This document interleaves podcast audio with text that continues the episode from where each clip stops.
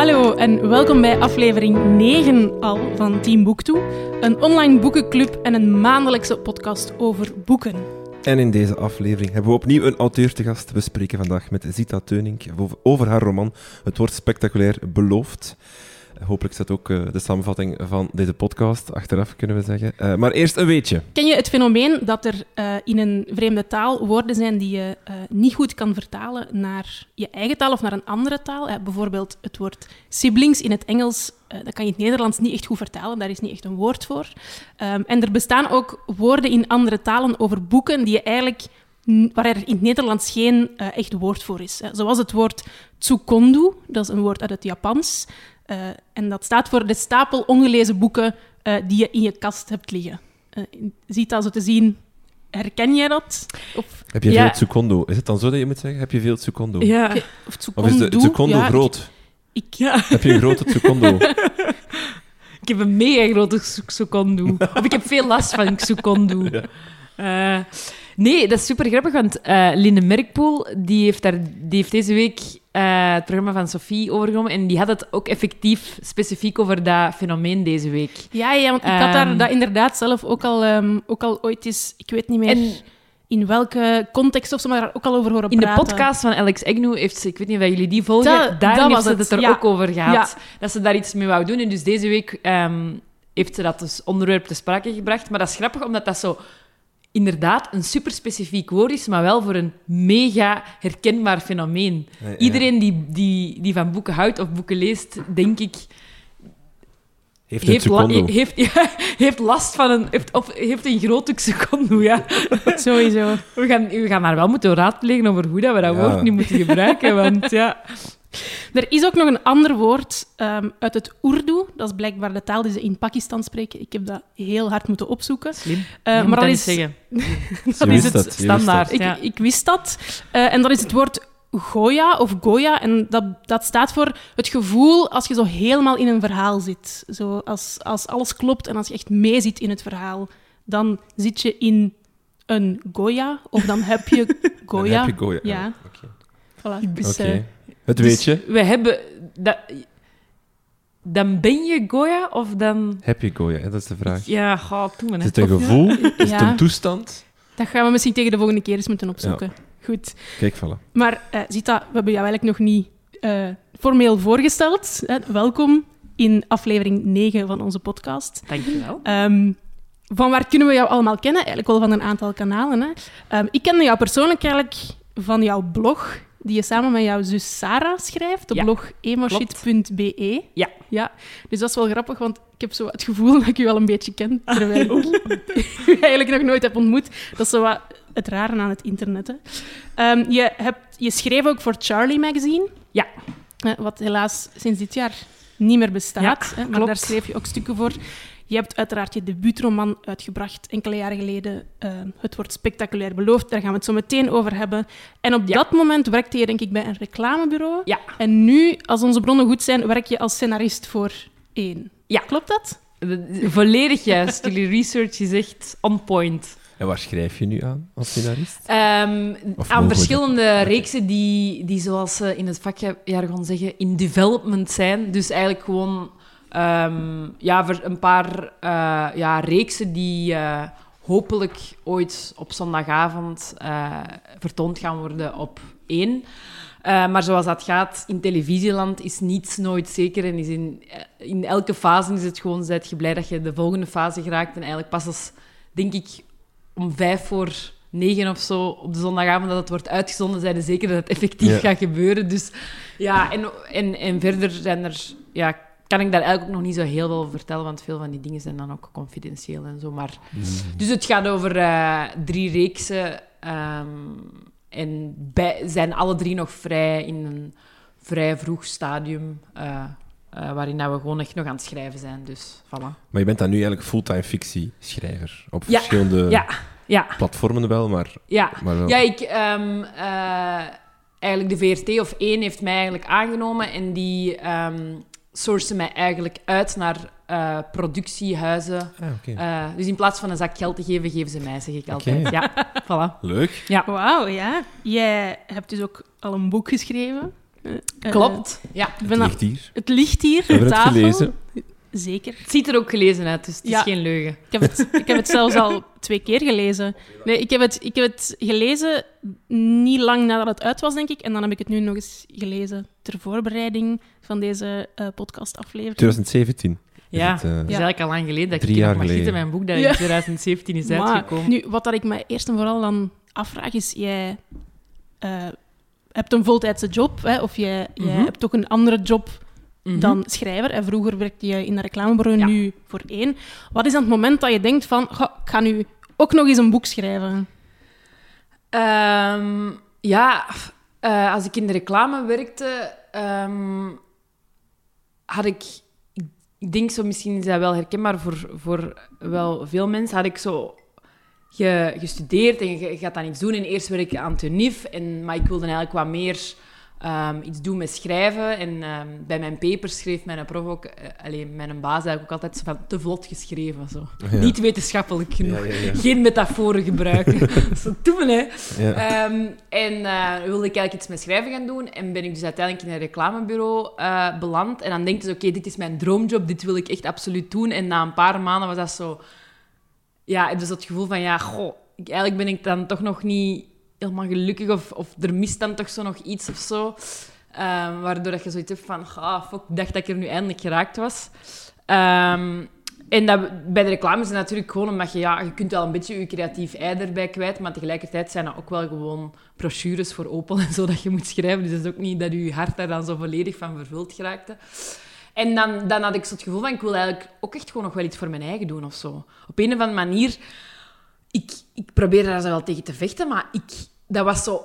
Ja, ik denk dat, dat iedereen die iets wilt maken of zo, dat, dat wel weet van... Ja, dat was zo'n soort van onstilbare drang. Ik noem het altijd zo'n soort van een border collie die in mij zat en die ik zo... Ofwel moest ik de hele tijd zo zo veel te hard vasthouden. En denk ik zo, ja, ik moet die gewoon loslaten en, en vrij zichzelf gaan, laten kunnen zijn. En dan denk ik dat ik zelf ook wat meer tot rust kan eh, komen of zo. Eh, je kunt dat wel proberen te onderdrukken. Dat van, ja, ça va, ik heb een leuke job en dat is allemaal goed. Maar dat was zo echt iets dat ik, dat ik moest doen of zo. En, ehm, dus ben ik daar eigenlijk gewoon aan begonnen, omdat ik gewoon goesting had om, om, om eindelijk echt mijn eigen ding of zo te kunnen doen. En niet een opdracht van iemand anders. En ehm, ik heb ook wel wat problemen met eh, bondig, bondigheid. Kort. Eh, zijn wat in de reclame echt wel een soort van zeer grote handicap is. Aangezien bij elk ding was het moet iets korter zitten. Doe me, hè. Ehm, en terwijl, ja, een roman, dus zo van, goh, eindelijk, ik mag gewoon 200 pagina's vullen en bedoel, het, het, het mag zo lang zijn als, het, als ik wil dat het is of zo. En dat vond ik zo wel, dat was heel fijn en heel bevrijdend. En ik begon mijn job ook veel leuker te vinden doordat ik de ander ernaast had op een of andere manier. Omdat je zo... Je kunt alles wat, wat in perspectief plaatsen. Je hebt je eigen ding. En je, je moet niet meer alles kwijt kunnen in die ene job of zo. En eh, ik denk iets... Als ik zo al vrij ver was, als ik denk ik drie kwart van het boek heb geschreven, heb ik op mijn job ook gevraagd of ik vier vijfde mocht werken. Ehm, eerst zagen ze dat niet zitten, maar ze zeiden, hier werken we geen vier vijfde. Oela. Zo, ja. Dat is vrij... In de, in de reclame nemen ze zichzelf nogal serieus. Ik was ook zo de eerste vrouw zonder kinderen of zo die vroeg of ze vier vijfde mocht werken. Waarom in godsnaam zou iemand dat willen doen? Ehm, en eh, toen, toen heb ik echt zo op een bepaald moment gezegd van ja, ofwel moet ik hier weggaan, ofwel blijf ik vier vijfde, maar het is één van de twee. En dan waren, hadden ze wel zoiets van, oké, die meent dat echt. En dan heeft een grote baas een, een e-mail gestuurd met één zin. Je moet schrijven en blijven. en voilà. En eh, dat, Dat toen was het geregeld, ja. En, ehm, en voilà. En toen had ik ook één dag per week om het boek effectief ook af te krijgen. Want daarvoor had ik zoiets van, deze gaat mij nooit lukken, enkel nog in weekends. En, Ja. en eh, voilà, niet zoveel later ehm, heb ik dan eh, mijn manuscript opgestuurd en dan was het boek er. Eh, Ja, want dus- da- dat kan ik me inmelden. Als, als je naast een voltijdse job nog een roman moet schrijven, nee, dan, dan heb je voor de rest niet veel eh, Is het dan echt, leven de, meer over. Hè? is het dan echt een, de, de weekends en de, de nachtelijke Ehm, avonden? Ja, ik zeg altijd zo mijn, mijn... Veel respect voor mijn lief. eh, dat die altijd gewoon zo thuis zat met iemand die gewoon achter haar computer in de zetel wilde zitten en wilde schrijven. Zo. Ehm, dus ja, ik heb... Ik heb maar ja, dat is ook, ik denk dat dat misschien ook wel een beetje afhangt van hoe dat je in elkaar zit of zo. Ehm, ik heb vaak in de weekends wel overdag gewoon niet dingen gedaan en wel echt geschreven. En in vakanties ook heel vaak mijn computer meegenomen en geschreven. Ehm, maar ook wel omdat ik... Ik had, ik had dan vaak zoiets van, ja... Zoals ik zei, ik wilde dat wel proberen los te laten. En zo, kom aan, je hebt je job, eigenlijk is daar geen tijd meer voor. Maar op een of andere manier maakte mij dat ook alleen maar ongelukkig om, om daar niet aan te kunnen werken of zo. Terwijl dan, als ik dan een dag had geschreven, dan was ik altijd wel zo ja, vervuld of blij daarvan of zo. zelfs op een, op een moment dat, ik, dat er nog niet veel was en dat ik zo ook niet, niet het gevoel had van... Ik, ik kan dat toch nooit afkrijgen, een heel boek, zo zot. Ik kan toch nooit... Ik kan toch geen roman schrijven? Ik heb daar niet voor gestudeerd. Ik weet niet hoe dat ik dat moet... Maar zo, het feit dat ik daar aan het werken was, was wel gewoon iets dat ik heel hard nodig had of zo, op een of andere manier. Dus... Ehm, ja, ik heb daarvoor wel, ja, wel wat vrienden en vriendinnen af en toe moeten teleurstellen. Um, maar nachtelijk werk, dat kan ik nu wel echt niet zeggen dat ik dat veel heb gedaan, want daarvoor is mijn slaap mij wel te kostbaar. Hoe lang heb je dan uiteindelijk aan het boek geschreven? Ik denk wel dat ik daar twee jaar of zo aan heb gewerkt. Ja. En dan eer dat uitkwam, was het wel drie jaar verder, want ik denk dat ik in mijn manuscript in september of zo heb opgestuurd. En dan in mei is het uitgekomen, dus dan waren we denk ik ongeveer al bijna drie jaar verder. Ik, kan ik weet dat eigenlijk ook niet zo. Ik, kan, ik zeg dat, dat is nu wel het standaard antwoord dat ik heb ontwikkeld, maar het zou ook iets minder lang of iets langer kunnen zijn. Ik heb dat niet goed bijgehouden. Wanneer ben ik daar eigenlijk aan begonnen? Moest ik, vroeg ik mij zo af toen dat de mensen dat eerst vroegen. Dus vrij lang wel, ja. Omdat het echt, ja, omdat je dat in je vrije tijd doet. Hè. En je moet ook gewoon veel schrappen en weggooien, omdat het niet goed genoeg is. Dus, ja. En als je het dan opstuurt, ben je dan overtuigd dat het iets, iets is? Dat het iets, of iets kan worden? Of, of, of... Ja, ja, dat is super dubbel. Want enerzijds... Dat is zo, en ik heb dat super hard bij me. Ik heb zo een soort van zotte ambiguïteit of tweestrijdigheid. Enerzijds denk ik, amai, ja, deze is echt... Ben, kan ik kei content van mijn eigen zijn? Een soort van narcist die mezelf die boven komt en denkt van, ja, mannen, I've done it. Hier is een boek, hè. Um, aan de andere kant denk ik van... Nee, oef, uh, ga ik nooit opsturen, durf ik niet. Ik ga dan... Moet, ah, oei, is het nu de bedoeling dat mensen dat ook effectief gaan lezen? Dat er nu... Uh, dus dat is zo... Ik heb heel lang gewacht om het op te sturen, eigenlijk. En het ook aan iemand te laten lezen, zo. Oh ja. um, dus enerzijds denkt je, dit is geniaal, en anderzijds denkt je, dit mag nooit iemand... Ja, dat is super gek, eigenlijk.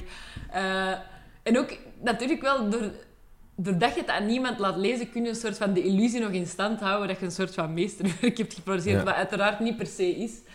Ehm, en uiteindelijk denk ik dat mijn zus en mijn papa, een van de, en, en, en Lorenzo natuurlijk, um, de enige waren die wisten dat ik aan iets aan het werken was. Ik had dat ook aan niemand van mijn vrienden of zo verteld. Of, ehm, op mijn werk zei ik ook gewoon dat ik uh, wat meer tijd wilde om aan mijn blog te schrijven, maar heb ik niet echt gezegd dat ik dat uh, dat dat echt specifiek voor een roman, roman of zo was. Of, of dat dat echt al, dat dat al een vergevorderd stadium was. Omdat ik zo... vond dat zo... De angst om dan te falen of om effectief dat boek nooit af te krijgen, vond ik dan zo wat te groot. Um, en ik bleef ook zo op het einde maar zo schrijven en schrappen en zo... Ja, in, in zinnen de...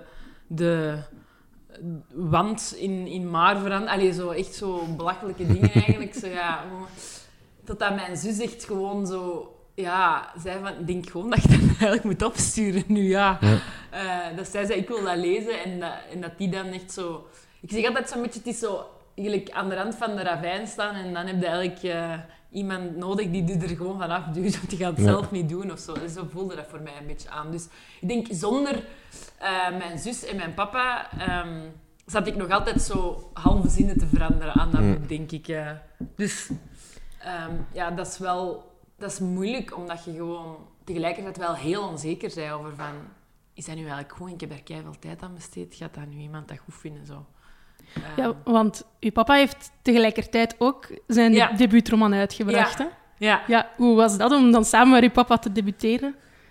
Ja, dat was, super, dat was heel grappig, omdat mijn, mijn vader was eigenlijk aan zijn boek al veel langer... Mijn papa heeft, is dichter eigenlijk. Mm heeft, had al heel veel dichtbundels gepubliceerd. En ook een biografie over de grote dichter Karel van Hoestijnen. En, ehm, en dat dan ooit eens een, een roman geschreven. En dat, was, dat lag al, al, al een tijdje bij de uitgeverij. En, en dat was er iemand anders aan het hoofd gekomen. Dus... Ehm, in, in C was ons proces dat wij daar aan het werken waren totaal niet gelijklopend. Want zijn boek was eigenlijk al ongeveer af toen ik aan het mijne begon. Maar uiteindelijk, toen ze bij de uitgeverij bij hem zeiden van ah ja, we gaan ermee door, was eigenlijk het moment dat ik net mijn manuscript had opgestuurd. Dat was, dat was eigenlijk zo'n beetje een um, grappig toeval dat, dat mijn papa dan op zijn 55ste en ik op mijn 27e of zo dan uiteindelijk hm. samen... Ja, want jullie hebben eh, ook echt samen op de boekenbeurs gestaan, ja. had ik gezien. dat was wel echt super tof eigenlijk, ja. Hm. Omdat ja, er zit een soort van leven tussen. Maar uh, ja, en mijn papa was wel zo... De, de grote, de grote drijfveer of zo om, om, om, het wel te doen. Dus dat was wel, dat was wel tof. Ik denk dat het voor hem ook wel ergens wel raar was. Maar ik denk dat hij dat zelf ook wel fijn vond, ja. Hm. Goed, we gaan eens over naar het boek zelf. Hè? Um, want dat is natuurlijk ja. de belangrijkste reden waarom, dat we, waarom dat we hier zitten. We hebben het allebei gelezen, uiteraard. Um, misschien beginnen we met eventjes heel kort de inhoud van het boek te schetsen. Dus het verhaal begint bij Anna, die met de trein aankomt in Montpellier. Um, en ze moet op het einde heel snel afstappen, want ze is in slaap gevallen, ze is aan de halte, ze uh, zoekt haar bagage bij elkaar ze staat op dat perron en ze beseft, ik ben iets vergeten. Uh, ze is een boek vergeten met 23 brieven van Leonard. Dus dat is hoe dat het, is het begint. we hebben al een discussie gehad voor, je er waard. Of dat nu Leonard, Leonard of in het Engels, maar dat is misschien omdat ik te veel de Big Bang Theory gekeken heb, Leonard is. Ah ja, Leonard is dat in mijn hoofd. Maar het mag in ieders hoofd zijn, maar dat van mij... Maar, allez, als jij graag wil dat dat Leonard is, vind ik dat ook wel goed. Ja. Ik las het zelf in mijn hoofd ook als Leonard. Dus ik, ik, ja, ik, mijn schoonbroer zegt, zegt consequent Leonaar. Ja, dat vind ik heel grappig. Dat kan ik ook wel lezen. Ja. En dan op de achterflap zeg je ook: Dit is het verhaal van twee mensen. Het is een liefdesverhaal en het is er geen. Ja. Ja, dat vond ik, dat vond ik wel heel, heel mooi. En dat, dat nodigt ook wel wat uit om, om verder te lezen. Vind is goed, dat was de bedoeling. Ja, dus. Ja, en, en dat vat denk ik ook wel redelijk goed samen. Moest het een, uh, een liefdesverhaal worden? Dat er misschien geen was, maar toch, toch één is? Uh, wel, ja. Ik denk, uh, je kunt heel hard vechten tegen je, wie dat je in de kern zei of wat dat je sterke punten zijn. En ja, ik zou ook wel... Uh, in, ik wil, je groeit misschien wel op met het idee van ja, ik ga grote literatuur schrijven, zoals Peter Verelst of, of Erwin Mortier. Maar in die end, ja, zei ook maar wie dat je zei. En um, ik denk dat ik heel hard... Um, je groeit zo op met het idee van, ja, liefdesverhalen, dat is voor de stationsromans. En, en dat is zo wat minder, terwijl dat... Um, dat ik zelf bij mezelf wel merkte dat, dat, dat ik bijvoorbeeld in de Engelse literatuur of in, in bepaalde films, dat net wel verhalen waren die mij heel hard raakten en die ik ja, waar ik gewoon keihard fan van was. En, en dat ik vond dat je die wel op een verfrissende, verrassende manier kunt doen, zonder dat dat, dat enkel zeemzoeterig plat en klef moet zijn. Wat het deels ook wel mag zijn, maar het mag ook wel net iets meer zijn. Dus het was wel zo'n beetje mijn missie om gewoon een, een soort van verrassend liefdesverhaal te schrijven, omdat dat gewoon is waar ik zelf keihard van hou en dat ik graag lees en dat, dat, ehm, dat ik vond dat dat dat ik dat zo in het Nederlands of zo niet veel boeken tegenkwam die dat, die dat deden of zo. Ehm, en je zei ook maar wie dat je zei of zo. En, en dat is denk ik wat er spontaan voor mij het meeste uitkwam. En ik schrijf ook in vrij, denk ik, uh, toegankelijke taal. Niet met de, met de meest... Niet elke zin is een soort van gedicht aan zich. Ehm, maar ja, dat is ook opnieuw weer wat dat je, waar dat je goed in zei of zo. En in die end denk ik... Ja, kunnen wel proberen wat andere dingen te doen, maar moeten gewoon je sterktes ervoor gaan. En ik kan andere dingen kijken en mooi vinden, maar besef, ja, dat is gewoon niet wie dat ik ben of zo, of wat hmm. dat ik zou neerschrijven. Dus dan denk ik van, ja, je moet dan gewoon gaan voor je sterkte en dat gewoon kei goed proberen te doen. En, uh, en, en iets schrijven waar je zelf gewoon kei leuk zou vinden. Hmm. En, en dat, dat was wat ik op dat moment gewoon heel graag wilde schrijven. Dus dat was... De, ik, op een bepaald moment heb ik wel zoiets van, oké, het gaat een liefdesverhaal worden, er is, er is geen ontsnappen aan. En dat vond ik ook wel goed of zo, ja. Hm. Want is het dan een zoektocht naar want eigenlijk spreek je over je, stem vinden. ja. Van, van Zo schrijf ik. Ik, ik. ben niet de Erwin Mortier, ik schrijf niet zoals hem, maar ik schrijf op mijn manier. Is het dan een zoektocht? Uh, ik vond dat wel. Um, omdat in, in, in, het, in, het, in de aanloop van het boek heb ik heel veel geschreven. Ik heb op een bepaald moment ook nog heel veel geschrapt. En zeker in het begin, en, en daarvoor heb ik ook zo wel eens twee of drie aanzetten voor wat andere verhalen gedaan. En, en ja, dat, dat klinkt zo misschien stom, maar je moet zo inderdaad ergens je eigen stem vinden of je... je en, en dat neemt wel wat tijd. En, en, en op een bepaald moment heb je wel zoiets van, ja, dit is, dit is gewoon... Ja, je voelt dan zo precies of dat je, dat je geland bent. Van, ja, dit is hoe dat het vloeit bij mij en hoe dat, het, hoe dat het hoort te zijn of zo. En dit is een beetje mijn, mijn toon, mijn stem. Nu, dat verandert ook doorheen de jaren, want als ik nu dat boek opnieuw zou schrijven, zou dat helemaal anders zijn. Want toen was ik 24, 25, dus je zei ook nog wel vrij jong en dat voelt je ook wel. En, maar dat mag ook wel. Het is een, hm. het is een soort van tijdsdocument. Ehm, maar dat is zowel een proces dat gaandeweg gebeurt, waarbij dat je zo bij wijze van spreken daarna terug moet gaan en, en dan een soort van de saus over het geheel moet... Als je dan dingen van, van, het, van de eerste bladzijde terugleest, dan heb je zoiets van... Oh, dat klinkt wel raar. Hier is nog wat werk aan. Uh, dus ja, ik denk wel dat dat een soort van, van proces is. Misschien is dat per boek ook wel een beetje, maar ook wel, ook wel sowieso voor je eigen of zo. Bij emotie, emotie is dat ook wel zo wat je eigen stem vinden van hoe, wil, hoe schrijf ik dingen neer en, en ehm, ja, dat neemt, nog wel, dat neemt wel wat tijd of zo. Ja. Is veel schrijven daar dan de oplossing voor? Om veel schrijven is sowieso de oplossing, ja. Absoluut. Ja. Wat ik me sowieso eerst en vooral afvroeg bij het boek is... Hoe lang heb je getwijfeld over de titel? Ik vind het een supergoeie titel, maar ik kan me inbeelden dat het ook wel spannend is om je boek het woord spectaculair beloofd te noemen. Ja, dat is uh, super grappig, omdat ik weet nog... Ik was super lang op zoek naar een titel. En ehm, als werktitel heette het eigenlijk gewoon Over Liefde. Maar ja, dat... Um, maar Alain de Bottin Botton had dan eigenlijk al een boek die zo heette. Dus ja, dat was wel lastig. En tegelijkertijd was ik daar ook nog niet helemaal uh, tevreden over. En dan was ik echt super lang op zoek. En dan um, uiteindelijk um, was ik met mijn zus uh, samen en waren we eigenlijk doorheen het boek aan het bladeren.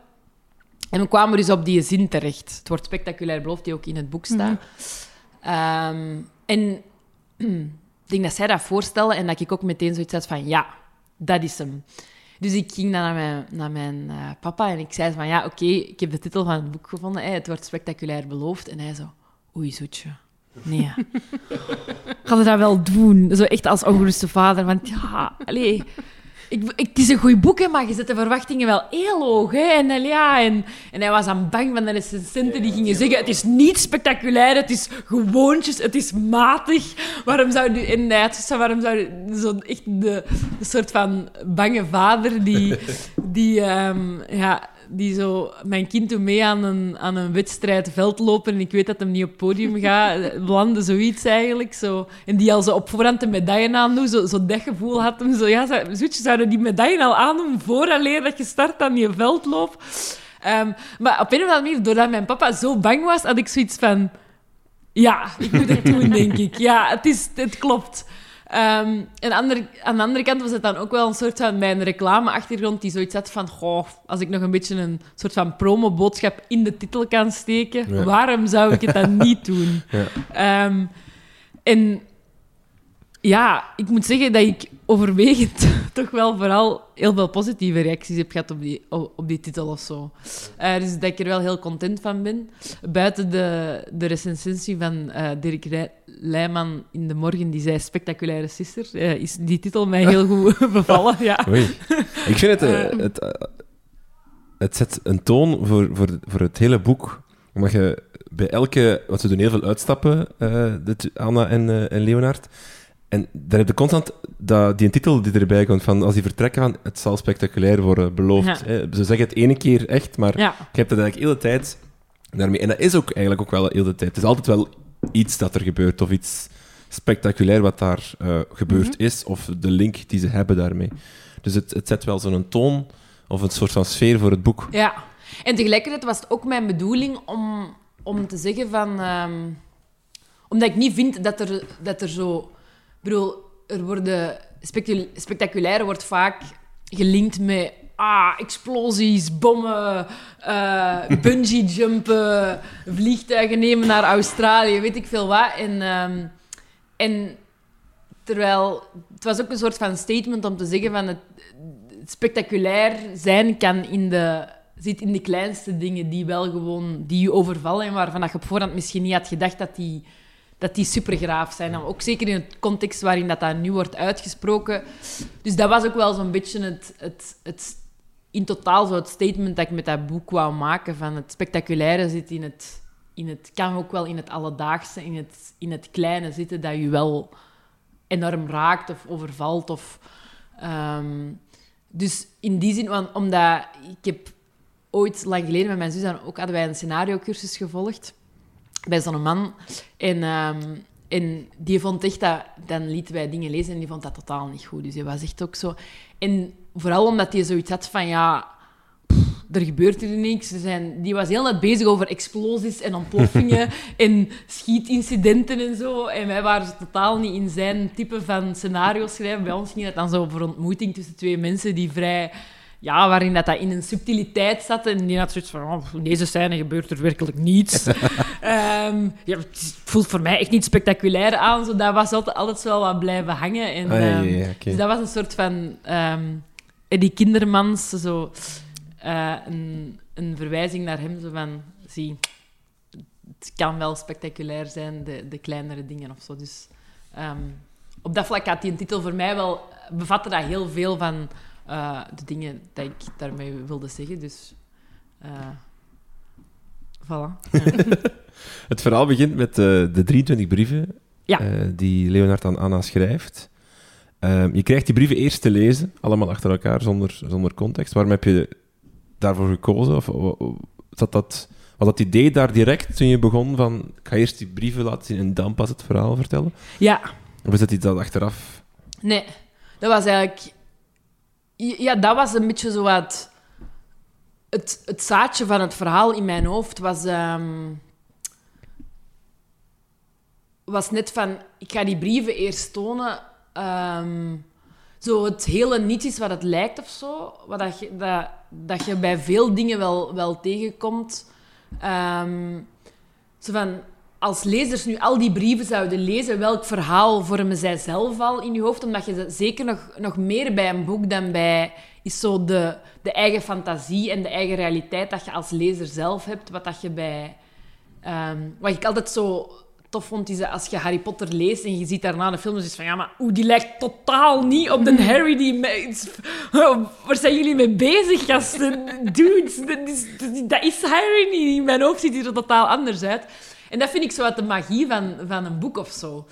En ehm, in die zin kun je eigenlijk met die, met die brieven een soort van verhaal scheppen. En ik vond het dan... De bedoeling was om dan eigenlijk achteraf een soort van ander verhaal erachter te steken, waar je niet had zien aankomen. En daar dan wel de context mee mee te geven van, ah ja, dat is eigenlijk in hoe dat die... En ik, zou dat, ik had zoiets van, ah, dat zou tof zijn als er dan 500 verschillende verhalen eerst ontstaan bij 500 verschillende mensen die dat lezen. En dat ze dan achteraf uh, ontdekken wat dan het echte verhaal is uh, daarachter of zo. Um, aangezien dat ik um, het, het idee ook wel wat uh, was ontstaan, omdat ik zelf, als ik op Erasmus ging, een boek met een brief van mijn lief op de trein was vergeten. En ik, ik stelde mij dan heel hard de vraag, als iemand die een brief nu zou lezen, wat zou die denken over mij en mijn lief? En, waarschijnlijk maakt hij er een soort van heel ander verhaal van dan wat het effectief is of zo. En ehm, ja, dat was, een, dat was meteen eigenlijk het, het zaadje en hoe dat ik het wilde doen. Ehm, en achteraf, ik heb het boek ook naar de bezige bij opgestuurd.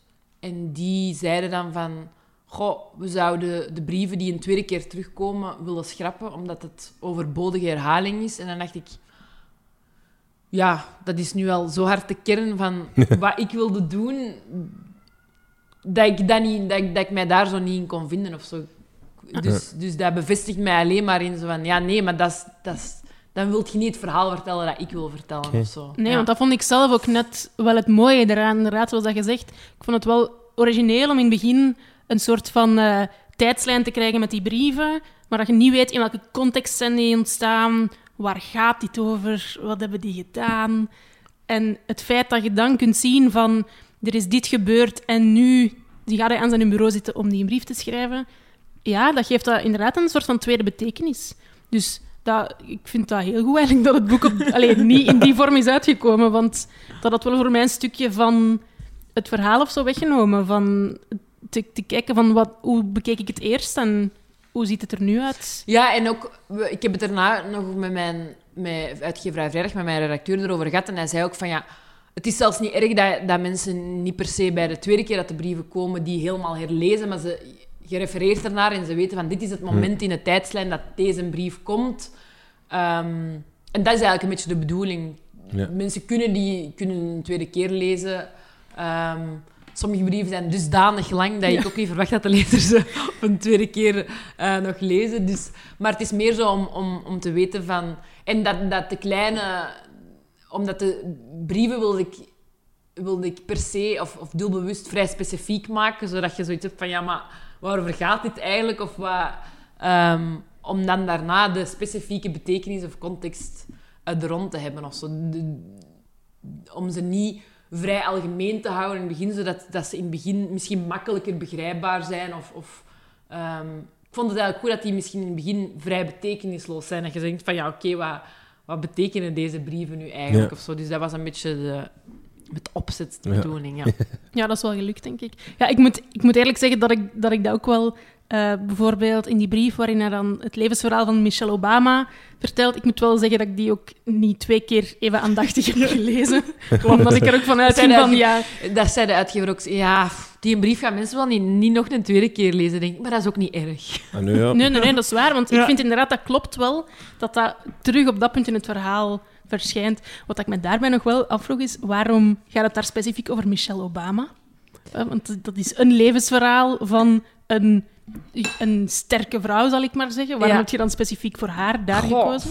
Geen idee, ja. Ik zeg altijd zo ehm, dat je, ehm, net zoals vele anderen, val ik wel eens in het gat genaamd het internet.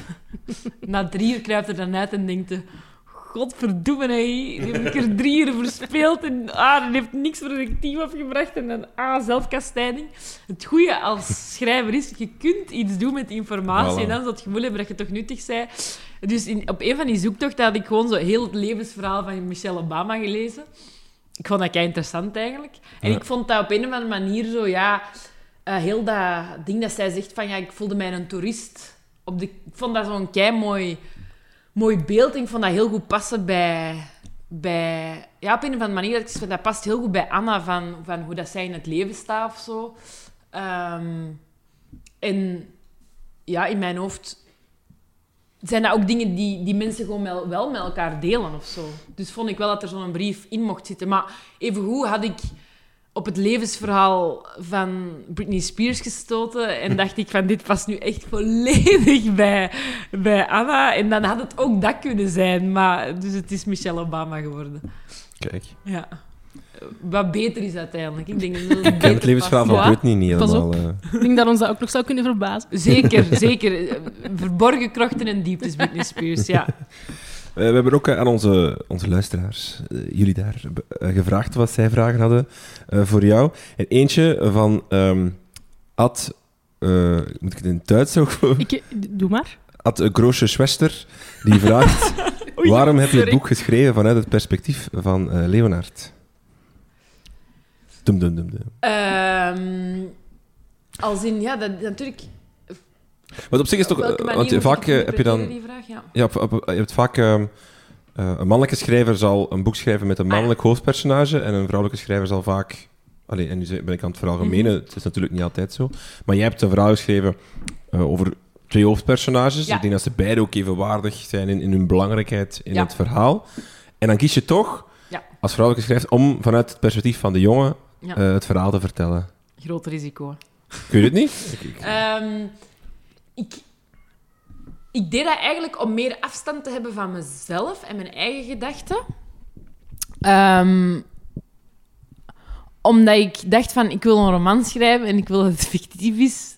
Ehm, het gaat niet over mijn eigen leven of zo. En door Mhm. dat vanuit de ogen van een man te vertellen, lukte mij dat beter. Omdat je je sowieso dan moet inleven in een soort van geheel andere realiteit. Omdat ik ook dacht van...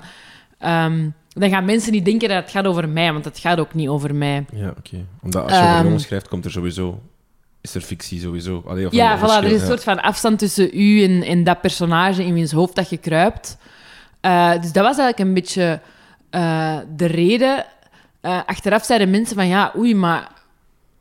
Wow, ik vind dat wel super gewaagd en heel gedurfd. Want ja, misschien gaan er keiveel mannen dan zeggen dat dat helemaal niet klopt. En dan dacht ik, oei, ik, heb, ik had mezelf echt gewoon die vraag nog niet gesteld. En, dus ik was mij ook niet bewust van alle, alle risico's die eh, dit met zich meebracht. Ehm, totdat het eigenlijk effectief al uitgekomen was. En ik had zoiets van, heb ik dat nu eigenlijk wel goed gedaan? Ehm, en op dat vlak heb ik... eh, maar ja, zijn er, zijn- hebben er veel mannelijke dat ik- Eigenlijk degene die mijn boek uit de stapel heeft genomen bij vrijdag was een 50 jaar oude man. Ik had zoiets van, als die eh, het geloofwaardig vindt en in gelooft, is dat best wel wel een goede start. Ehm, maar dus ja, ik wilde eigenlijk wat vermijden dat te veel mijn eigen gedachten of zo zou, zouden zijn. Ehm, ik dacht ook gewoon keihard van... Ik heb hier een fictieverhaal neergeschreven dat totaal niet over mij gaat. En dan las mijn, boek, mijn zus het boek en dan zei die wel van... Ja, va wel. Ehm, eh, na, los van de grote kanttekeningen van het mannelijk hoofdpersonage en zo, herken ik ongeveer wel 90% van, van u in het boek. Zo, ja, toen, dus dat was dan, is uiteindelijk dan alsnog niet gelukt. Ja. Eh, maar dus dat was eigenlijk een beetje een insteek waarom ik het vanuit een mannelijk hoofdpersonage wilde doen. Ja. En was het uiteindelijk moeilijk? Of, of, of anders dan, dan als, het, als je vanuit het perspectief van, een, van de vrouw had geschreven? Ehm, goh. Of wat- heb je de, is, is, de, is de realisatie en de vraag van, dat is wel gevaarlijk, pas echt achteraf gekomen en heb je daar... Dat is meer achteraf. Ik heb daar op dat moment totaal niet bij stilgestaan. Ik denk ook zo... Ik vind dat ergens... Allee, uiteraard, ja, er zijn, zijn heel wat verschil tussen mannen en vrouwen, maar tegelijkertijd zijn er ook heel weinig verschillen tussen mannen en Hmm. vrouwen. En denk ik van... Binnen elk ding heb je een soort van gigantisch spectrum. En, en, en ja, er gaan mannen zijn die zich totaal niet herkennen in deze man. I'm sure. Ehm, maar ja, tegelijkertijd zijn er ook veel mannen die zich niet herkennen in elkaar, die heel anders zijn of zo.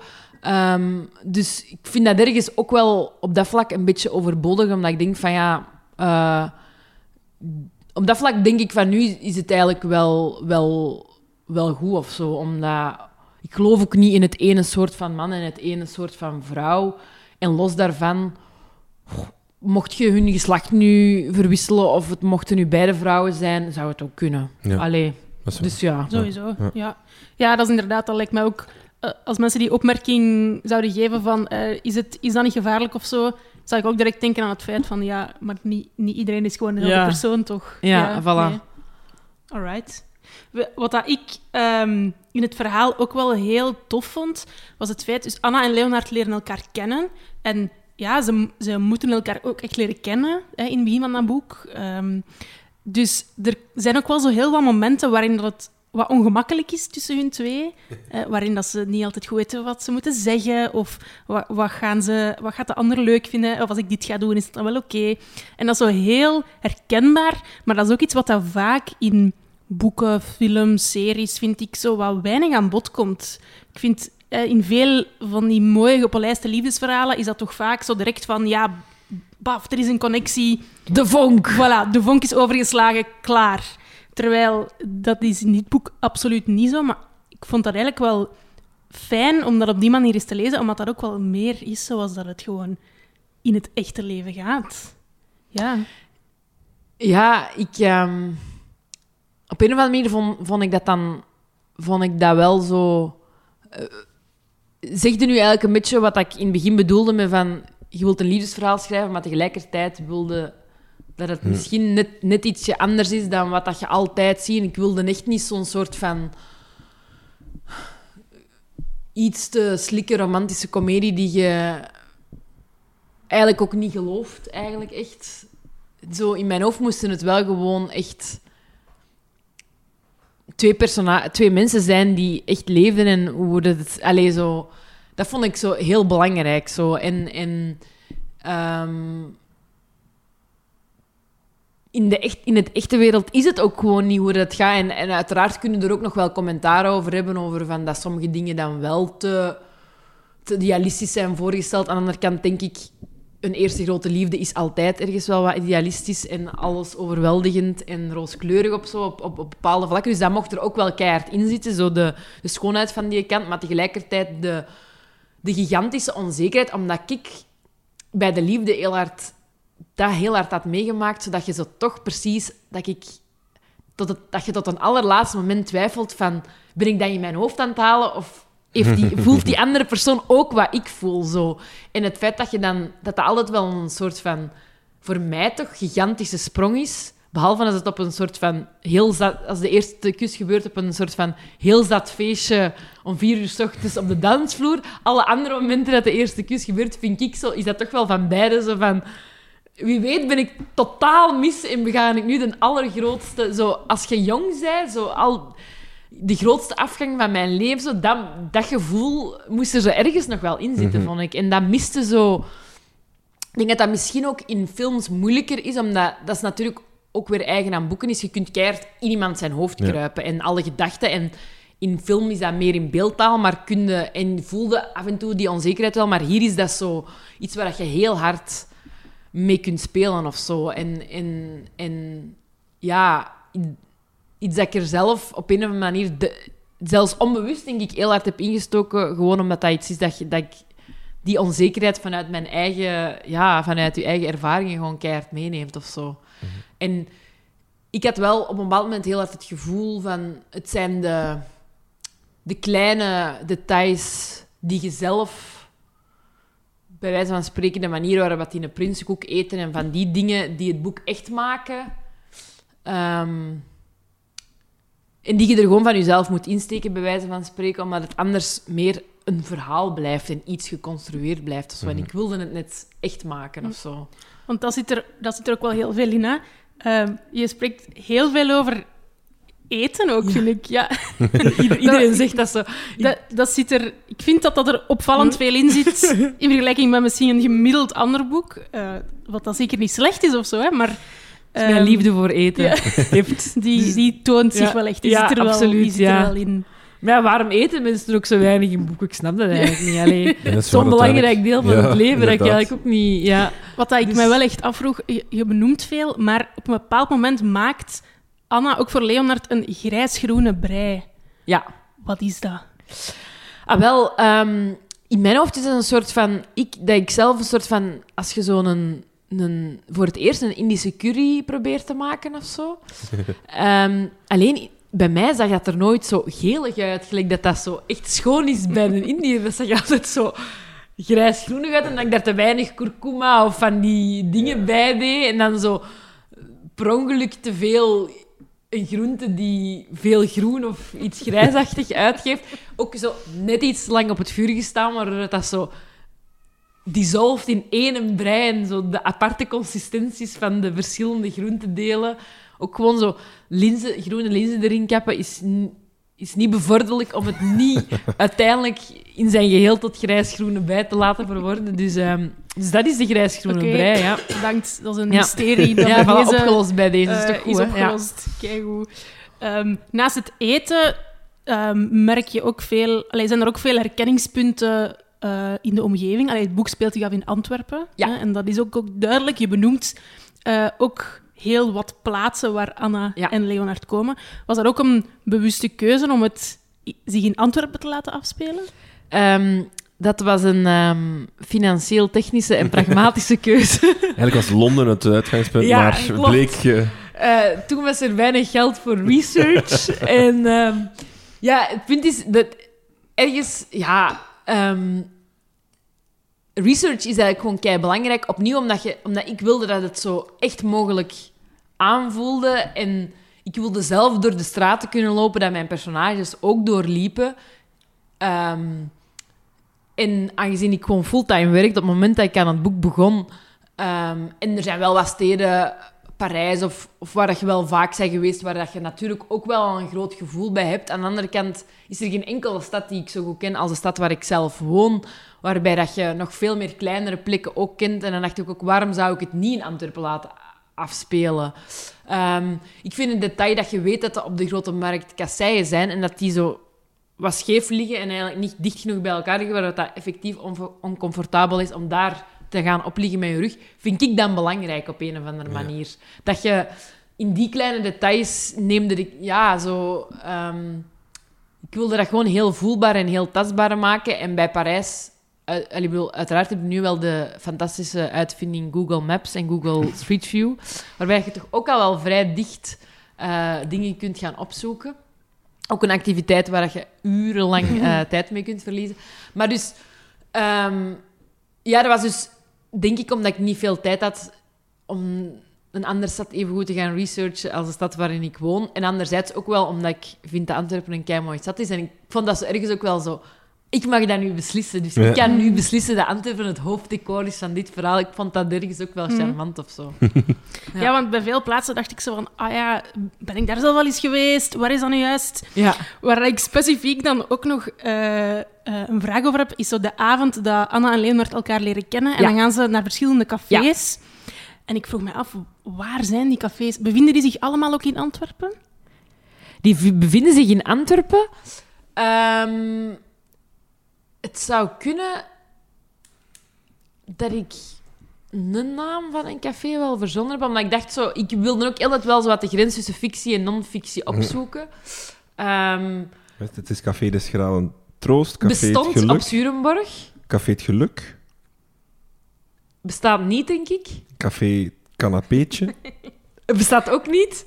En Café de Blauwe Moezel. Bestaat wel. Ja. Oké, dus we kunnen de uh, eerste avond dat Anna en Leonard elkaar hebben leren kennen, voor de helft toch reconstrueren, moesten we dat willen. Er zou zo wel nog een, een, een, het wordt spectaculair beloofd, team kroegentocht-achtig iets kunnen uitgewerkt worden. Of zo. Ja, zo de tour. En dan zie ik naar een aantal plaatsen. ja, ik heb dan... dat voorgesteld in ATV, maar die zijn er niet op ingegaan. en dan zo een audio van de, de, die passages als je wandelt. Zou goed zijn, audioboeken, ja, ja, ja. ja. Misschien een volgend project. Maar dus de dingen, de, het café De Blauwe Moezel is rond de Grote Markt. En de kathedraal en zo, daar in die buurt. Die kleine... Ja. Eigenlijk hadden we het daar moeten afspreken. Eigenlijk. Gemiste kans. Kijk. Voilà. Het is hier ook gezellig. Ik moet het zeggen zoals het is. Um, Elliot Smith speelt ook een belangrijke rol in, in, in, het boek. De, de muziek uh, wordt gedraaid op de begrafenis van, van Leonards moeder. Waarom Elliot Smith? Is dat zelf ook een... Ben je zelf grote fan? Dus dat is waarschijnlijk de, de punten waarop mijn zus zei, er zit heel veel van u in. ja, ik vind dat kei mooie muziek. Um, ja, ik vind dat... Dat was gewoon een, artiest, denk ik, die ik dan zo wat leerde kennen terwijl ik dat boek aan het schrijven was. En um, die ook vaak opstond als ik aan het schrijven was en die op een of andere manier mij dan altijd in de juiste vibe bracht. En dan vond ik het gewoon wel, wel fijn om dat er ook in te verwerken of zo. Om opnieuw... Um, net zoals dat ik... Um, ook films als Notting Hill of, of um, muziek, uh, ook Rihanna of zo. Ik, ik, had zoiets van, ja, goh, dat zijn gewoon dingen die, die zeker vandaag gewoon integraal deel uitmaken van het leven. Dus het zou raar zijn om dat niet te vermelden in een boek, vond ik. Hm. Bij mensen die gewoon, jonge mensen die vandaag... Zo de boeken waar, waar ik zelf mee ben opgegroeid, hadden dat nooit, aangezien de schrijvers toen op dat moment ook niet zijn opgegroeid met, met veel films of televisiereeksen of wat minder met muziek. Maar dat is nu vandaag is dat gewoon... Het zou raar zijn om die dingen uh, niet te vermelden, terwijl dat... Helemaal in het begin, als ik aan het schrijven was, deed ik dat niet, omdat je een soort van um, beeld in je hoofd hebt van wat een boek is en hoe dat realiteiten in boeken zich afspelen. En zo, ja, nee, maar eigenlijk moet ik daar niet aan voldoen aan dat beeld. Ik kan gewoon mijn eigen realiteit schetsen. Mhm. En de realiteit is nu eenmaal dat dat wel... Dus vond ik dat wel leuk om dat gewoon effectief te benoemen en, en daar wel dat vrij specifiek te maken of mhm. zo. Ehm, het einde van het boek, we gaan natuurlijk niets, uh, niets verklappen. Mensen moeten het lezen. Um, moeten, hè? Maar het moeten het lezen. Ja, moeten, ja. Als je wilt blijven. Nee, um, maar het eindigt spectaculair. wist je het einde toen je begon te schrijven? Ja, absoluut. Ja, dus dat was... was want ik vraag me altijd af hoe dat, dat uh, gaat. Of dat je dan een idee hebt, begin zo van, ik ga, ik ga over dat schrijven, en dan begin je gewoon, en dan construeert zich het verhaal? Of is dat iets dat je, dat je met A3-papieren uittekent, tijdslijnen en, en, en, en dan ophangt en dan pas begint? Ja, um... het zal voor elke schrijver anders zijn. Ah, wel, ja, ik denk ook gewoon dat er uh, twee stromingen zijn. Je hebt de stroming van de schrijvers die beginnen met een personage of een klein insteken of een idee. En voor wie het, het verhaal organisch, gelijk een riviertje, die, die zelf het, het, het verhaal volgen en, de personages waar, waar ze hen brengen. Um, bij mij is dat niet zo. Bij mij is het eigenlijk, denk ik, dat ik, dat ik vrij snel een van de allereerste en een van de allerlaatste pagina's op papier heb gezet. Okay. En dus ik, ik wist echt vanaf het begin waar het einde ging zijn. En, en dus het kader was voor mij heel duidelijk. Dan was het gewoon een kwestie van de rest op te vullen. Het heeft maar twee jaar geduurd. Super simpel. Ehm, dus je hebt, je hebt het einde in mijn hoofd schrijf je dan ook zo'n boek chronologisch of zo. Ik weet dat niet. Maar, ja, daarna heb ik het chronologisch gedaan. Dus maar eerst het begin en het einde. Ja, ja, klopt. En is er nog veel aan veranderd? Aan het begin en het einde heel weinig eigenlijk, ah, ja. ja. ja. Op zich ook wel. In het middenstuk wel heel veel. Heb ik echt op een bepaald moment drie kwart allemaal weggesmeten. Ehm, maar dat kader was voor mij heel duidelijk. En, hm. en, en ja, ik vind voor mij is dat... Ja, ik heb zoiets van... Je kunt net een, een verhaal veel beter en verrassender opbouwen als je weet naar waar je toe schrijft of zo. Um, kunnen de kijker ook wat verrassen en een keer langs bochten nemen. En bedoel, het parcours en de weg die je bewandelt om tot aan je eindpunt te komen... Dat weten niet. En soms doen je personages, beginnen je ook dingen te doen waar je... Dat is effectief ook wel zo wat andere schrijvers zeggen, van waar je zelf niet had verwacht of zo. Dat wel. Um, en het zou kunnen dat je in het midden toch alsnog een ander einde boven komt of zo. Maar, maar voor mij lag dat wel vast en dat is eigenlijk ook echt niet veranderd. Hm, je zegt van, ik heb eh, drie kwart weggesmeten op een gegeven moment. Ja, is dat het gewoon slecht was. Ja, maar dat kan je dan ook zonder... Um, nee, ik heb daar wel lang over gedaan om dat uiteindelijk weg te smijten. Dat, dat, lijkt me zo... Het is een monumentaal werk, zo'n roman schrijven. 200 bladzijden. Super zot om dat dan te doen en dan eh, werk je dan nog fulltime of dan ja. vier vijfde? En dan denk je op een gegeven moment van, we gaan even uh, eh, 75% van het werk wegdoen en, en vandaar terug beginnen. Dan weet je ook dat je maanden en maanden nog meer uitstelt. Dat, dat... Maar is het dan toch iets on, allee, onvermijdelijk dat je dan toch moet doen gewoon? Ehm, ja, omdat als ik gewoon dan eerlijk was met mezelf, vond ik dat gewoon nog niet goed genoeg. Hm. En dacht ik, ja... Eh, en zeker naar het, naar het bij dat, mijn begin en mijn einde, op een of andere manier had ik wel zoiets van, ja, dat klopt. En er was een soort van klik in mijn van, ja, ik vind dat goed en ja. En dan begin nu je middendeel, maar natuurlijk uh, begon ik ook, dat is helemaal in het begin, als ik nog jong was, ik had daarvoor echt ik heb, niet, ik heb niet Germaans gestudeerd, ik heb geen schrijfopleiding gehad. Ik heb op zich gewoon aldoende leert men of zo. En ik denk ook gewoon dat je bij alles je je loopuren of zo moet doen. Ehm, en als ik dan klaar was met dat, als ik de boog wat rondgeschreven en naar het einde kwam van, ah, ik nader mijn einde. Um, dat is ook een beetje over je stem vinden en zo. Dat ik dan merkte van, ik vind het, de eerste stappen dat ze doen gewoon niet zo sterk als de laatste dingen die ik heb geschreven.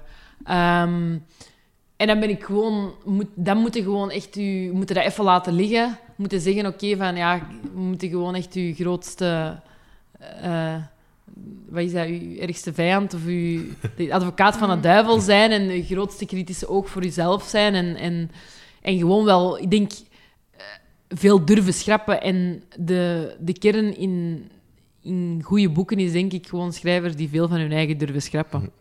Is het dan taalmatig dat dan? Gaat het over hoe je geschreven hebt? Of, of gaat het dan over inhoudelijk de, verhaallijn? Die, dan, die je dan... Um, of is het nu een technische vraag? Ah, ja, er zijn, nee, ja, er zijn eigenlijk twee verschillende dingen. Enerzijds um, het herschrijven. wat denk ik... Ik heb superveel herschreven. Gewoon, vanaf dat er iets op papier staat, kun je het ook gewoon beter maken. Ja. Dat is leuk. En dan kun je... Dan kan het naast de inhoud gaan over wat vind ik mooi en hoe zeg ik op, dit op de mooiste manier. Hoewel dat ik, denk ik, tegenover andere schrijvers waarschijnlijk nog niet de grootste polisher ben. Ehm hoewel dat ik wel probeer een soort van eenvoud en, eh, en scherpheid en niet te veel tirlantijnen erin probeer te schrijven. Dus ook gewoon zinnen korter probeer te maken. Dus dat is wel een soort van ding dat ik veel doe.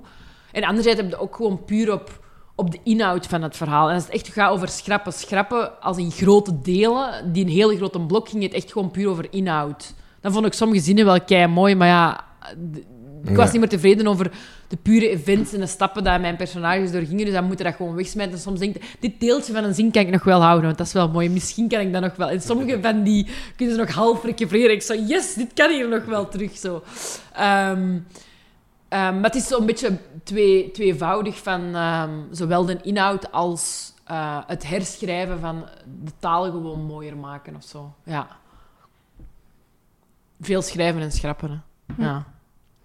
Wat dat ik zelf ook eh, heel tof vond aan het boek, is de vormgeving. Allee, De kaft op zich al. Eh, heel tof dat dat die envelop is die je echt kunt vastpakken, waar je in kunt Met lezen. relief. Ja, met relief. Ik weet het. Ik ik vroeg mij ook af, hoe, hoe doen ze dat? Zo'n reliefje daarin steken. Ik weet niet, dat heet gewoon reliefdruk. Oké, maar het is ja, heel geslaagd, vind ik zelf. Maar ook binnenin is er wel echt aandacht besteed aan de vormgeving. Hè. Je hebt zo soms zinnen die groter of vetter gedrukt staan. Eh, er zijn ook een paar plaatjes, allee, afbeeldingen in het boek zelfs. Ja, iets wat dat ik zelf heel leuk vind. Ehm, Rinke is allemaal eh, is- bij deze is- aan het tonen. Jullie zien dat niet, maar het is Ja, echt ja. mooi. Heel nuttig voor een podcast. Ehm, en ik vind dat zelf wel tof als er zo in een boek zo wat out of the box wordt gedacht. Ik, vind, ik heb ooit een boek gelezen, Bezoek van de Knokploeg, van Jennifer Egan. Ik moet nu even Ja. spieken. En daar is zo Visit één- of the Goon Squad. Visit ja. of the Goon Squad. En daar is zo één ehm, stuk uit het boek, het is eigenlijk een mozaïekverhaal zeker, zo een PowerPoint-presentatie. En dat vond ik echt schitterend. En zo, ehm, het doet me daar zo op een bepaalde manier wel wat aan denken. Het feit dat je wel ook... Ja, dat, dat het niet puur een doorlopende tekst is, maar dat echt Ja. Die vormgeving, dat daarover is nagedacht. Is dat iets wat dat je van, op voorhand ook al wist van ik wil dat zo doen? Of is dat iets wat, wat dat met de uitgeverij wordt, is bekeken? Wel, ehm, zoals het er nu in staat, binnenin, is gewoon exact letterlijk zoals het Word- Word-document dat ik heb doorgestuurd. Alle zinnen die groter stonden, staan er nu exact in die lettertype grootte zo in. Ehm, ik heb daar niet keihard over nagedacht, moet ik zeggen. Op een of andere manier, tijdens het schrijven, had ik zo de neiging om bepaalde dingen groter te maken. Was dat eh, kernpunten voor mijn eigen om, om, om hou vast in dat verhaal en dingen die... Dat ging voor mij ook weer een beetje over zo van hoe, hoe, de, hoe realistisch of de... In, in het gewone leven wordt ook niet elke zin op dezelfde toonhoogte uitgesproken op een of andere manier. Of worden er soms pauzes gelaten waardoor iets wat meer aandacht krijgt. En dat wilde ik eigenlijk zo wat in dat boek ook steken. Van, ehm, en dat kun je eigenlijk alleen maar doen door wat met de typografie te werken, waardoor dat een zin wat langer blijft hangen of wat meer nazindert of wat meer... eh, omdat, ik had, omdat ik heel hard zoiets had van, ja, bij een leeservaring, je bent zo snel over een bepaalde zin, terwijl ik zo, nee, maar deze is kei belangrijk. Ik wil echt dat ze deze gelezen heb- hebben of zo. Maar ik had, ik had gedacht dat de uitgeverij daar misschien iets over ging zeggen, of ja, dat doen wij eigenlijk niet, of... Of, Ja, zo van, dit is kei absurd. Of ja, dan zullen we hier een paar witregels onderlaten of zo. En dan kreeg ik het ontwerp eh, binnen van heel het binnen... En binnen vormgeving. En dan hadden ze dat eff- effectief exact gedaan zoals het was. En dan hadden ze... Omdat mijn redacteur ook zei van... Ja, ik vind dat dat integraal deel is van het verhaal. En dat is keigoed. En dan had ik zo even zoiets van... Oei, nee, maar moest ik hier niet harder over nadenken? Over hoe dat ik deze wou? En elke zin die groter had... Hoeveel groter moest hij dan staan? en had hij dan niet meer tijd in moeten kruipen? Ehm, maar ja, toen was het eigenlijk... Het boek was al, quasi van spreken, al gewoon onder de drukpersen of zo. Dus... En in die end ben ik daar ook wel blij van of zo. Ik denk dat dat, dat is iets heel spontaan gekomen. En ik vind dat ook wel fijn, omdat veel mensen daar ook wel iets over zeggen. En die printjes, ja, was opnieuw zo... Ja... als je een mail stuurt met een printje in, ja, dan moet in die een boek ook de mail met dat printje erin staan. dat is zo, ja, dat is kei logisch. Het zou gewoon kutsen om te, te schrijven... Hier is een deeltje van een...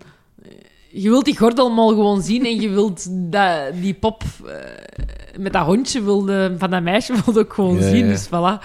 Ehm, opnieuw dingen die spontaan kwamen of zo, ja. Ehm, maar opnieuw vond ik dat zo wel... Om zo wat in de leefwereld van die, van die mensen te duiken, was ik heel blij dat dat mocht van de uitgeverij. Zo, yes, het printje heeft het gehaald. Ja. Ja, en, en het werkt, Allee, vind ik. Wat dat ik ehm, ook heb eh, gezien, ik heb een klein stukje in Van Geel zijn gasten gezien, waar dat je te gast was op het moment dat je boek uitkwam. Ja. En daar zat je aan tafel met Jan Verheijen. Ja. En hij was zelf ook wel eh, enthousiast Ja. door de opzet van uw verhaal. ja, Wanneer komt de verfilming? Goeie vraag. Jan. Verrijen, dude. Luister je? Goh, ja, de... Geen idee. De, de verfilming... eh, ik, ik denk dat het gaat ook niet zo heel goed met de filmmarkt. Die Dus krijgen ja. wel extra geld, hè, subsidiegewijs. Dus Eh, ja, mogelijk. Dus eh, momenteel is er niet sprake van een verfilming. Maar zou, je het, ehm, zou je het willen? ik zou dat kei tof vinden, ja, Ja. absoluut. Je hebt ook zo van die mensen die, die dat verschrikkelijk zouden vinden of zoiets hebben van ja, het gaat dan veel slechter worden. En ik heb zoiets van nee, dat is kei tof. Ik zou dat mega max vinden. Maar helaas nog niet, niet echt zo miljoenen euro's aangeboden Nee. gekregen voor het manuscript. Ja, Ik had gedacht gebeurd. Lin van Rooyen voor Anna en Gilles de Schrijver voor Leonard. Ah, is goed. Ik ben Ja? het eens. Ja, we doen het. We gaan ervoor. Link, dat gaat echt de, de. Vlaamse 500 Days of Summer worden. Ah, wel, ja, voilà. Dat, dat, dus, eh, dat is wel ergens mijn bedoeling. Maar ja, we, allee, het kan nog, hè. Allee, Ja. Het is ook tijdloos, zeg ik tegen mezelf. Ja. Voilà, dus. En allee, we kunnen het script echt nog wel hedendaagser maken. Dat je hoeft geen mails te zijn. We kunnen daar best nog wel andere dingen. WhatsApp-berichten Ja, maken of zo. Natuurlijk, kan allemaal en nog. Rihanna wordt dan Billie Eilish. Ja. Of... ehm, ja... Moeten we, moet ik misschien Nog- nog, eens over langer nadenken. over nadenken? Want ja, Rihanna is wel zo... Het is wel de black woman Ja. met zo de, Nee, de en Ja. de... Maar we Ja. zijn ook al lang aan het wachten op een, eh, een nieuw album. Hè. Ja, klopt. Dat is wel waar. Ze laat het wel wat afweten. Dus, eh, Riri, kom. Ja, kom aan. Over eh, nieuwe albums gesproken. eh, we hebben nog, nog een vraag binnengekregen van Johanna Laurent en Nina Vink. Eh, wanneer komt het eh, ofwel vervolg ofwel nieuwe boek? Ja. Zonder De- druk te willen leggen. Het is zo. Ja. ik- De, de- Is er, zijn er plannen? er zijn absoluut plannen, maar dus... ehm, zoals jullie weten, ben ik momenteel dus ook... Elke keer als ik denk, nu ehm, is er tijd om aan iets nieuws te beginnen, ehm, ja, komt er dan weer ehm, professioneel iets anders dat dan volledig al mijn eh, tijd wegkaapt. En het punt is dat ik dus nu, in tegeneel tot, bij, tot toen ik in de reclame werkte, net iets meer mijn creatief ei kwijt kan in mijn job, waardoor de aandrang helaas wat minder is om in mijn weekends, avonden en vakanties aan een boek te schrijven. Ehm, dus dat is leuk voor mij, maar minder leuk voor mensen die graag een, tweede ja, ja. boek zouden willen zien. Plus, ik had voor mezelf... met schrijven, van schrijven kan ik helaas eh, niet leven of zo. Ehm, wat bij veel schrijvers in Vlaanderen of Nederland denk ik wel het geval is. Dus het is gewoon iets dat ik echt puur voor mezelf doe. En, en iets waar ik zelf goestingen moet hebben en er is geen druk of zo. Het is gewoon zo, als ik er goesting heb en als ik het wil, dan, Hm. dan maar niks moet en alles mag. En ik wil dat bij dat ook echt wel eh, zo houden. Ehm, dus het is eigenlijk, ik had zoiets van, als ik terug op een nieuw verhaal val dat zo hard geschreven moet worden en waarvan dat ik niet kan wachten om het te schrijven, eh, ga ik het doen. Dus ik, ik heb wel, ik heb wel, er ligt wel een idee voor een tweede boek. Er moet alleen ehm, nu nog tijd zijn om effectief het gat tussen pagina 1 en pagina, Ja. de laatste pagina te vullen. Maar die Ja. zijn al geschreven. Eh, die zijn ongeveer al wel, ja. Dus ehm, ja, hopelijk ga ik zo een keer zonder we- werk vallen. Dus dat is mijn grote droom. Dat ik gewoon een paar maanden Ja. geen job heb en dan, ga ik, ga, dan schrijf ik mijn volgende boek. Maar we kunnen dan misschien wel binnenkort eh, een reeks op tv zien waar dat je aan hebt meegeschreven. Eh, binnen, zondagavond. binnen, binnen, zondagavond. binnenkort is, als 2022 binnenkort is, dan zeker. dat is ja. binnenkort genoeg.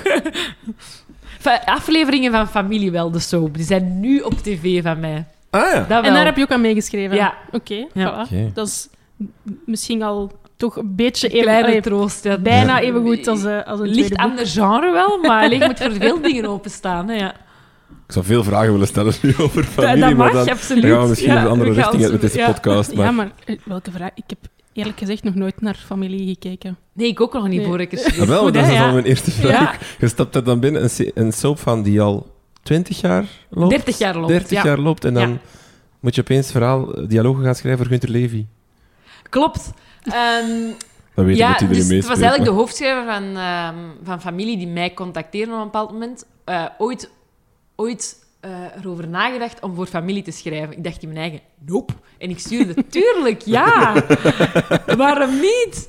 Ehm, ja, omdat ik wel... Ik had aan een scenario-congres meegedaan en daar een idee ingediend. En hij zat in de jury, vond dat een heel verfrissend idee. En hij was op zoek naar schrijvers. En ik dacht... ehm, ja, het is misschien gewoon een kans om voor, voor televisie iets te doen, omdat ik helemaal geen scenarioopleiding heb gevolgd. En ehm, dat was eigenlijk mijn tweede ding dat ik... Nee, dat was mijn eerste ding dat ik zei als ik dan bij hem op gesprek kwam. En zei ik, ik heb wel echt nog geen enkele aflevering ooit gezien. Ik weet daar niks van. Hij zei, dat is helemaal geen probleem. Dat is super oké. Ik heb, voordat ik hier binnenkwam, ook geen enkele aflevering ooit gezien van familie. Oké. Ehm, we hebben iemand en ehm, dat is het geheugen. En die weet alles wat er gebeurd is. Jij moet gewoon met nieuwe ideeën komen. En hij zei ook gewoon van ja, eh, is gewoon een kei, als je wilt, het vak scenario wilt leren, is dit een kei goede leerschool. Hm. Eh, en zo, voilà. Ik vond dat eigenlijk wel super fijn om te doen. Ja, ik kan me wel Eh, inbeelden. ja, dat was echt super entertainend. Ook het goede is aan een soap, er moet zoveel geschreven worden, dat echt quasi elk idee dat je gewoon in een brainstorm op tafel legt, zei je, we gaan dat doen. Ja. Ja, Ja, ja. je zegt, de Benny wint de lotto. Ah ja, dat is goed, ja. en, die, en die volgt geen enkel van de... Die heeft zo'n gesprek, zo'n intakegesprek. Ja, dit moet je vermijden en dat best niet doen. En die, die gaat zo in tegen alle regels. Dat zo... Ja, oké, dat is goed. Goeie verhaal. En huppla, en de volgende zo van... Ik denk misschien dat die samen een kind moeten krijgen. Oh ja, dat is goed. Allee, zo echt, die duwt die van een klif. Maar ja, waarom niet? Allee, zo, dat is echt... Allee, eh, vanaf dat je gewoon binnen het genre soap denkt van oké, soap is het en dat moet heel snel geschreven en geproduceerd worden, is dat wel gewoon is dat wel heel fijn. En ook gewoon, dat is het meest snelle dat je iets op tv ziet komen van je eigen arbeid of zo. Dus dat is Mhm. op dat vlak wel Ja, klinkt leuk. eigenlijk wel heel plezant. Als ja, je het zo dat is echt, echt ja. plezant. Ja. Ja, ik was meer een thuiskijker vroeger. Maar goed, Ja. hè? Oh, dus Ja. zeker ook. Mag allemaal. Ja, alles mag. Geen schaamte. Nee. Goed. ehm, we willen het graag ook nog een beetje hebben over andere boeken, Ja. als je dat ziet zitten. Nu, wat dat ik ook merkte in Het woord spectaculair beloofd, is dat je ook soms bepaalde boeken gebruikte op een bepaald moment in het verhaal. Wat ik me daaraan ook bij afvroeg is, is dat toevallig of is daar dan over nagedacht? Eh, bijvoorbeeld Atonement is het boek dat Anna aan het lezen Ja. is als Leonard haar voor het eerste ziet. Ja. Is dat een, een toevallige keuze ook? Of... Ehm, dat heb ik... Ja, ja en nee, omdat ik dat een mooi boek vond. Maar bij Atonement, eh, Ian McEwan is ook de meester in... En zeker Atonement is eigenlijk ook niets is wat het lijkt. Vind ik zo wat de essentie van dat boek. Want het gaat eigenlijk over een 13-jarig meisje die denkt dat ze bepaalde dingen ziet.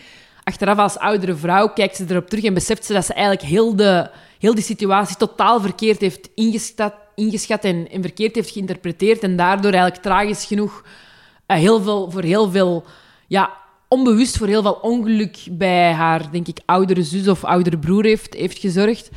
Eh, want zij, zij ziet dingen gebeuren en zij maakt daar haar eigen verhaal van. Maar eigenlijk is, het, is de realiteit iets helemaal anders. Ehm, en dat was ook een beetje wat, wat dat, het punt was met die, met die brieven. En uiteindelijk eh, niets is wat het lijkt. Mhm. Dus in die zin was, het, ehm, was dat voor mijn eigen zo wat van ha ha ha ha.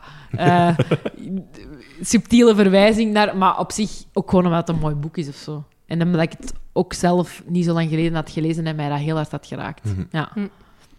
Je hebt, eh, we hebben aan jou gevraagd om, om jouw favoriete Ja. boeken op te lijsten. Ja. Eh, dat was niet gemakkelijk, heb je laten weten. Dat was een nachtmerrie. Wat een verschrikkelijke opdracht. ja, dus, dus de lijst die we nu krijgen is, is Kill Your Darlings. Ja, een soort van... Fuck it! Ja. Dit moet het dan zijn. En, en besloten om er niks meer aan te veranderen. Want het is, we moeten het zien als een soort van momentopname. Want waarschijnlijk als ik het een dag eerder of een dag later had, het Ja. mogelijk wel tien andere boeken geweest. Ja.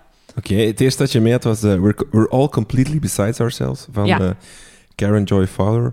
Ja. Dat de prachtige titel heeft in het Nederlands. Oh, we hebben het er juist nog opgezocht. Oh ja, um, iets van... We zijn totaal door het dolle heen. Ja. Ja. ja. Prachtige ja. Nederlandse titel. Ja, wat niet goed, hè? Ja. Die dan lijkt op een, uh, een kinderboek. Dat is weer zo een... Waarom? Een... Waarom doen ze dat ja. toch? Zoals de weeffout in onze sterren. Ja. Ja. Niet... Ah, dat wil je toch niet kopen? Waarom zet je dat op je lijstje? Oh, ik vond dat echt een bijzonder mooi boek. En ik was ook... Ik, in mijn hoofd hebben nog niet zo heel veel mensen dat... Ik weet niet of ik jullie heb het gelezen. Ah, wel. Ja, ik heb het heel... Ik was ooit eens in Liverpool, denk ik. En ik weet nog dat ik toen een boekenwinkel binnenstapte en ik zag dat boek liggen en ik heb zonder, allez, zonder veel voorkennis dat meegenomen. Uh, en dat ook beginnen lezen. En ja, ik moest er wel wat in komen, omdat het in het Engels was. En ik lees niet zo vaak in het Engels. Maar toen dat ik ja, in het verhaal zat en dan plots die, die plot twist die kwam. plotwending. Ja, My ja. god. Ja. Spoiler, spoiler. Ja, Ja, dus nee, we gaan ja, niet we zeggen waarover de plotwending is, maar zo... Ja, ik vond dat een heel aangrijpend boek. Ehm, dat ook gebaseerd is eigenlijk op, op waar gebeurde feiten. Want achteraf heb ik, zonder te zeggen over welke feiten het gaat, over, ehm, heb ik er ook een documentaire over gezien. Eh, vond ik super interessant. Het, het, het goede is dat het, het begint als een verhaal dat super dichtbij is over een gezin met twee kinderen. En, en in het midden van het boek is er echt een soort van gigantische plotwending, maar het is super natuurlijk gedaan en het voelt niet zo... Het voelt helemaal niet zo geforceerd of onnatuurlijk of omdat ze die plotwending wil doen of zo. En tegelijkertijd... En, en, en ja, op een of andere manier, door het ook effectief in de realiteit gebaseerd is op, op, op, op waar gebeurde feiten, vond ik ook zo...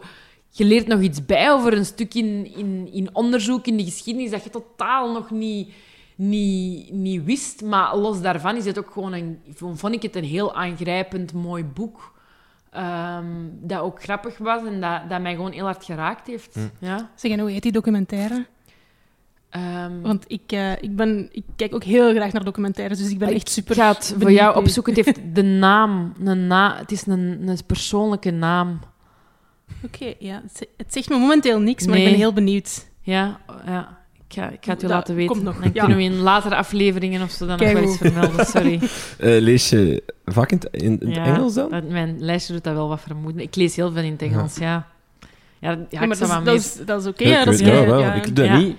En ik mis daardoor dingen, denk ik dan maar. Ik lees heel... Ja, mijn mama is, is leerkracht eh, Engels in het vijfde en zesde middelbaar. Hm.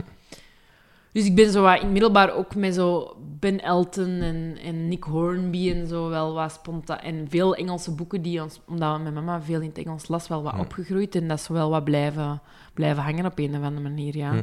ja. Nee, maar dat, dat lijkt mij op zich ook wel... eh, je, je leest het wel in de originele versie zoals de auteur het bedoeld heeft. Hè? Ja, Dat is, denk ik, ik- soms ook wel... Ik lees ook vooral vertalingen, maar ik vermoed dat er soms ook wel dingen, ver, allee, dingen verdwijnen of allee, niet, niet helemaal op papier kunnen gezet worden in Ja. een andere taal, zoals dat het bedoeld is. nu bij de, de testamenten had ik per ongeluk de... Of mijn zus had per ongeluk de Nederlandse versie gekocht.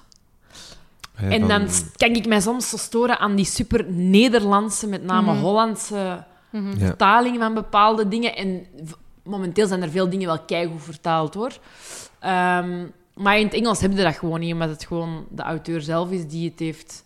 Maar je leest wel, veel je leest wel Engels literatuur, Ja, maar ja, gewoon ja. Nederlands Ja. vertaald. Dan, ah ja, ja, oké. Maar, ja. Ik ben het zo gewoon om in het Engels te lezen dat, ik dat zelfs niet meer opmerk, Ja. ja. Ja, maar ik, ik merk ook... Allee, ik moet daar ook altijd wel terug inkomen, hoor. Want ik weet ook, als, als, eh, toen ik zo'n jaar of 16 was, geloof ik...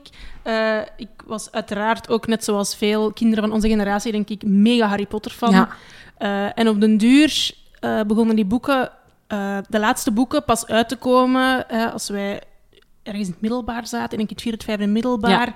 En dan op den duur wou ik niet meer wachten op de vertaling. En dan weet ik ook nog wel dat ik die boek in het Engels heb gekocht, de laatste twee, Ik drie ook. boeken. De laatste. En dan, ja, daar uiteindelijk wel door ben geraakt, maar in het begin dat dat ook wel echt een karwei was Ah, dat om is, eraan te beginnen. dat is super grappig dat je Harry Potter vermeldt, want dat is mijn allereerste Engelse boek. In het Hm. eerste Ah, ja. middelbaar heb ik dat gelezen. En ik weet ook wel dat ik pas in het midden door had dat a wand de toverstok was. Die, ja, Dat ik wel, heel dat waren van zo- die dat ik zo wat aan het lezen was, maar zo ergens zo van, ja, ik had dat nog niet... En zo, ja, dat, ja, ja, tuurlijk, toverstok. Ja, Ja, zo van, eh, dus, maar... ehm, Bij mij was het vooral de switch dan maken tussen... eh, want ik had de eerste boeken in het Nederlands Ja. gelezen.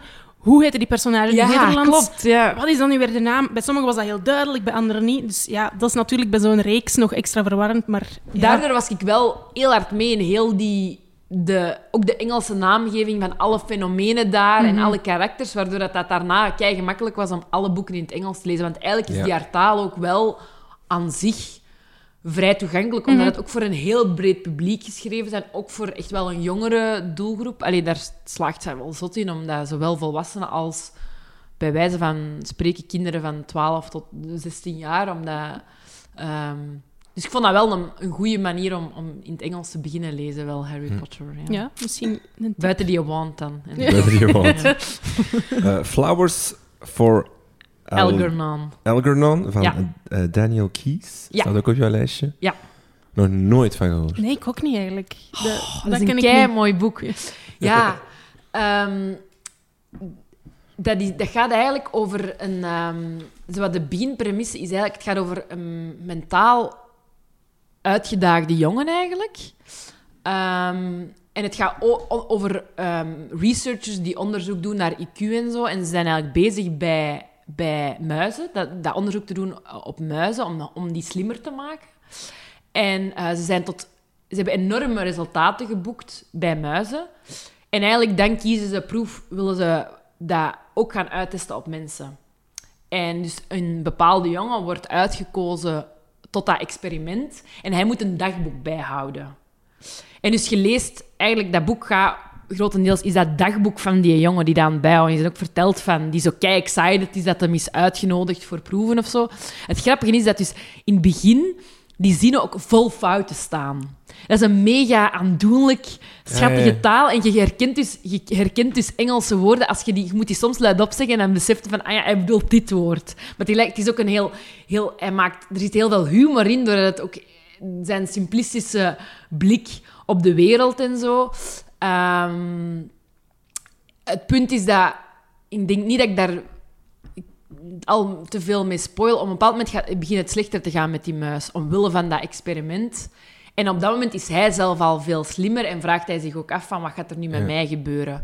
En, ehm, maar het is dus heel mooi gedaan, omdat het eigenlijk aan de hand van die dagboekfragmenten is. En je ziet ook gewoon, je ziet die slimmer worden. Ah, ja. Dus, dus die taal wordt veel rijker, die zinnen worden veel complexer. Ehm, en dat is, dat is echt heel mooi opgebouwd. Zo. En ook de, de dingen die hij opmerkt. Zijn leven verandert helemaal, zijn job verandert helemaal. Wat dat hem, ehm, de sociale omvang verandert. Hij denkt ook dat hem er ehm, wat meer gaat bijhoren bij de dingen die, die voor hem tot dan toe niet bereikbaar zijn en zo. En het bevat ook een prachtig mooie levensles, wat toch ook af en toe wel allee, eens deugd kan doen Ja, dat is eigenlijk. waar, hè. ja. Maar wel echt een, een heel mooi Ja, boek. klinkt als een super... Allee, als een plot wat ik zelf super interessant Ja.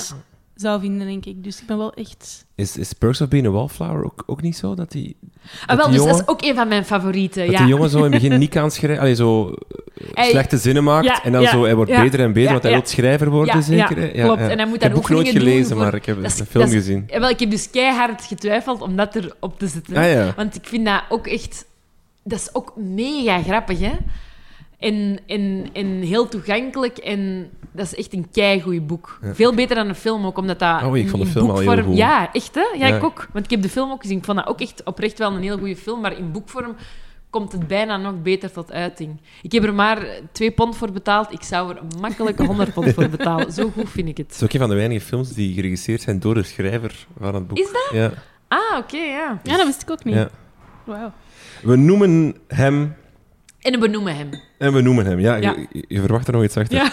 Van Marjolein van Heemstra. Ja. Ook nog nooit van gehoord. Ah, die, Yes, die ik staat al wel op mijn leeslijstje, Ah, maar ik heb hem ook nog op niet je, gelezen. Op je uh, secondo. Op mijn- op- Secondo. Op- ja, ja, nee, niet echt, want, want is al ik, heb hem, ik heb hem nog niet gekocht. Dan hè. klopt het niet. Ah, Ja. dat Nee, klopt. Dat is niet van het ehm, secondo. Nee, nee, want eh, mijn, mijn Goodreads want-to-read-lijstje is nog veel langer dan de stapel boeken die. Ah, ja. ik hier heb liggen. Ja. Ehm, maar ik, Nog een Japans woord voor Ja, dat dus- ja. Of, De ja, daar moeten we inderdaad... Waarover gaat het? Ehm, dus, eh, en we noemen hem is dus eigenlijk... Het gaat over... ehm, ik denk, de, het boek start eigenlijk met het feit... eh, Marjolein van Heemstra, het is... ehm, gefictionaliseerde non-fictie. Dus, want het is echt wel over haar eigen leven. Ze is zwanger van haar eerste zoon. Ze weet dat dat een zoon is. En ehm, ze vertelt dan... Ja, nu zit ik met een probleem, want ik heb op een bepaald moment voor mijn 18e verjaardag uh, een ring gekregen van mijn grootmoeder. Waar ik al heel lang om zagen dat ik die ring mocht krijgen, omdat ze daar al heel veel verhalen had van had gehoord. En die ring was eigenlijk oorspronkelijk van haar grootnonkel, een verzetstrijder tijdens de Tweede Wereldoorlog, die Frans heette. En haar grootmoeder had gezegd, oké, je krijgt deze ring, maar enkel als je eerste zoon Frans noemt. Want Frans is dan ook gestorven en heeft nooit kinderen gehad. En hij had aan zijn moeder gezegd van, ik wil heel graag... Ik zou eigenlijk heel graag kinderen hebben gehad. En ik hoop dat deze ring dan terechtkomt bij iemand die ook mijn naam gaat dragen. En dus moet ze aan haar lief vertellen van ja, het spijt mij eigenlijk, maar onze zoon gaat Frans moeten noemen. Ehm, of heten. Ben ik hier heten. Totaal, ja, ga, ga Frans heten. We moeten hem Frans noemen. Ja. Uh, en, um, en dan begint ze eigenlijk wat onderzoek te doen naar die onkel.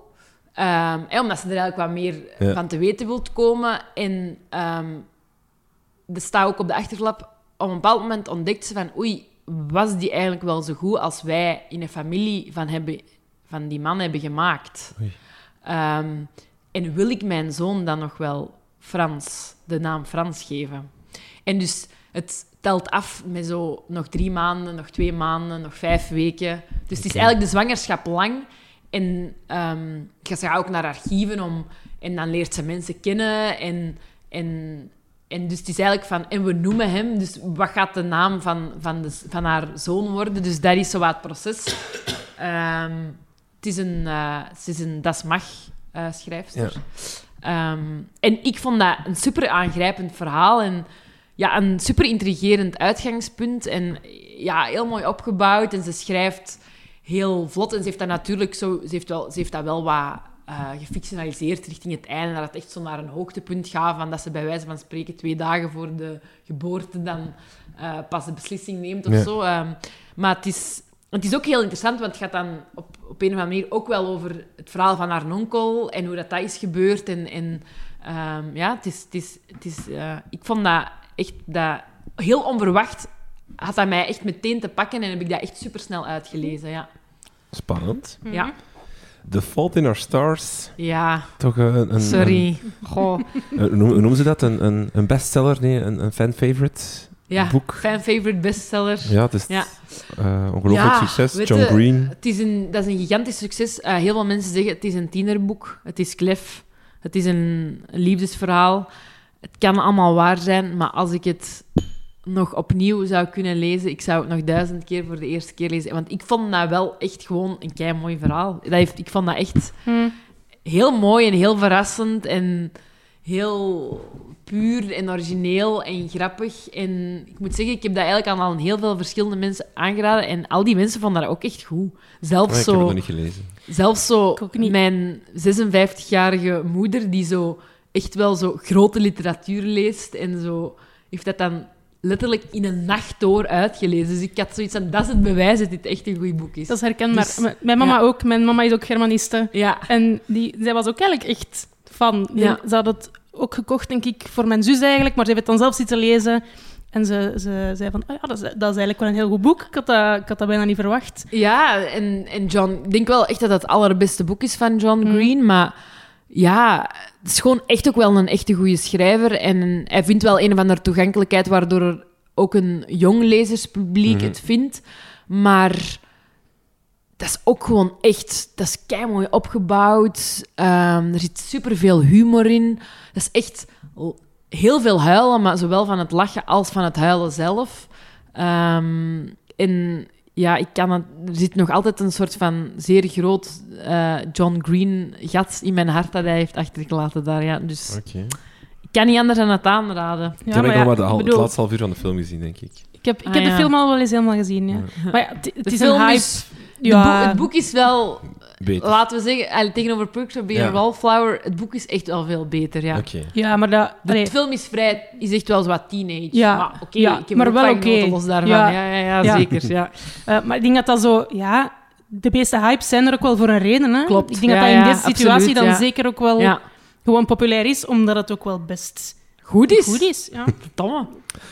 een andere hype, totaal ander boek ook, denk ik wel. A Little Life van uh, ja. Hania Yanagihara. Ja. In één keer. Um, Punten.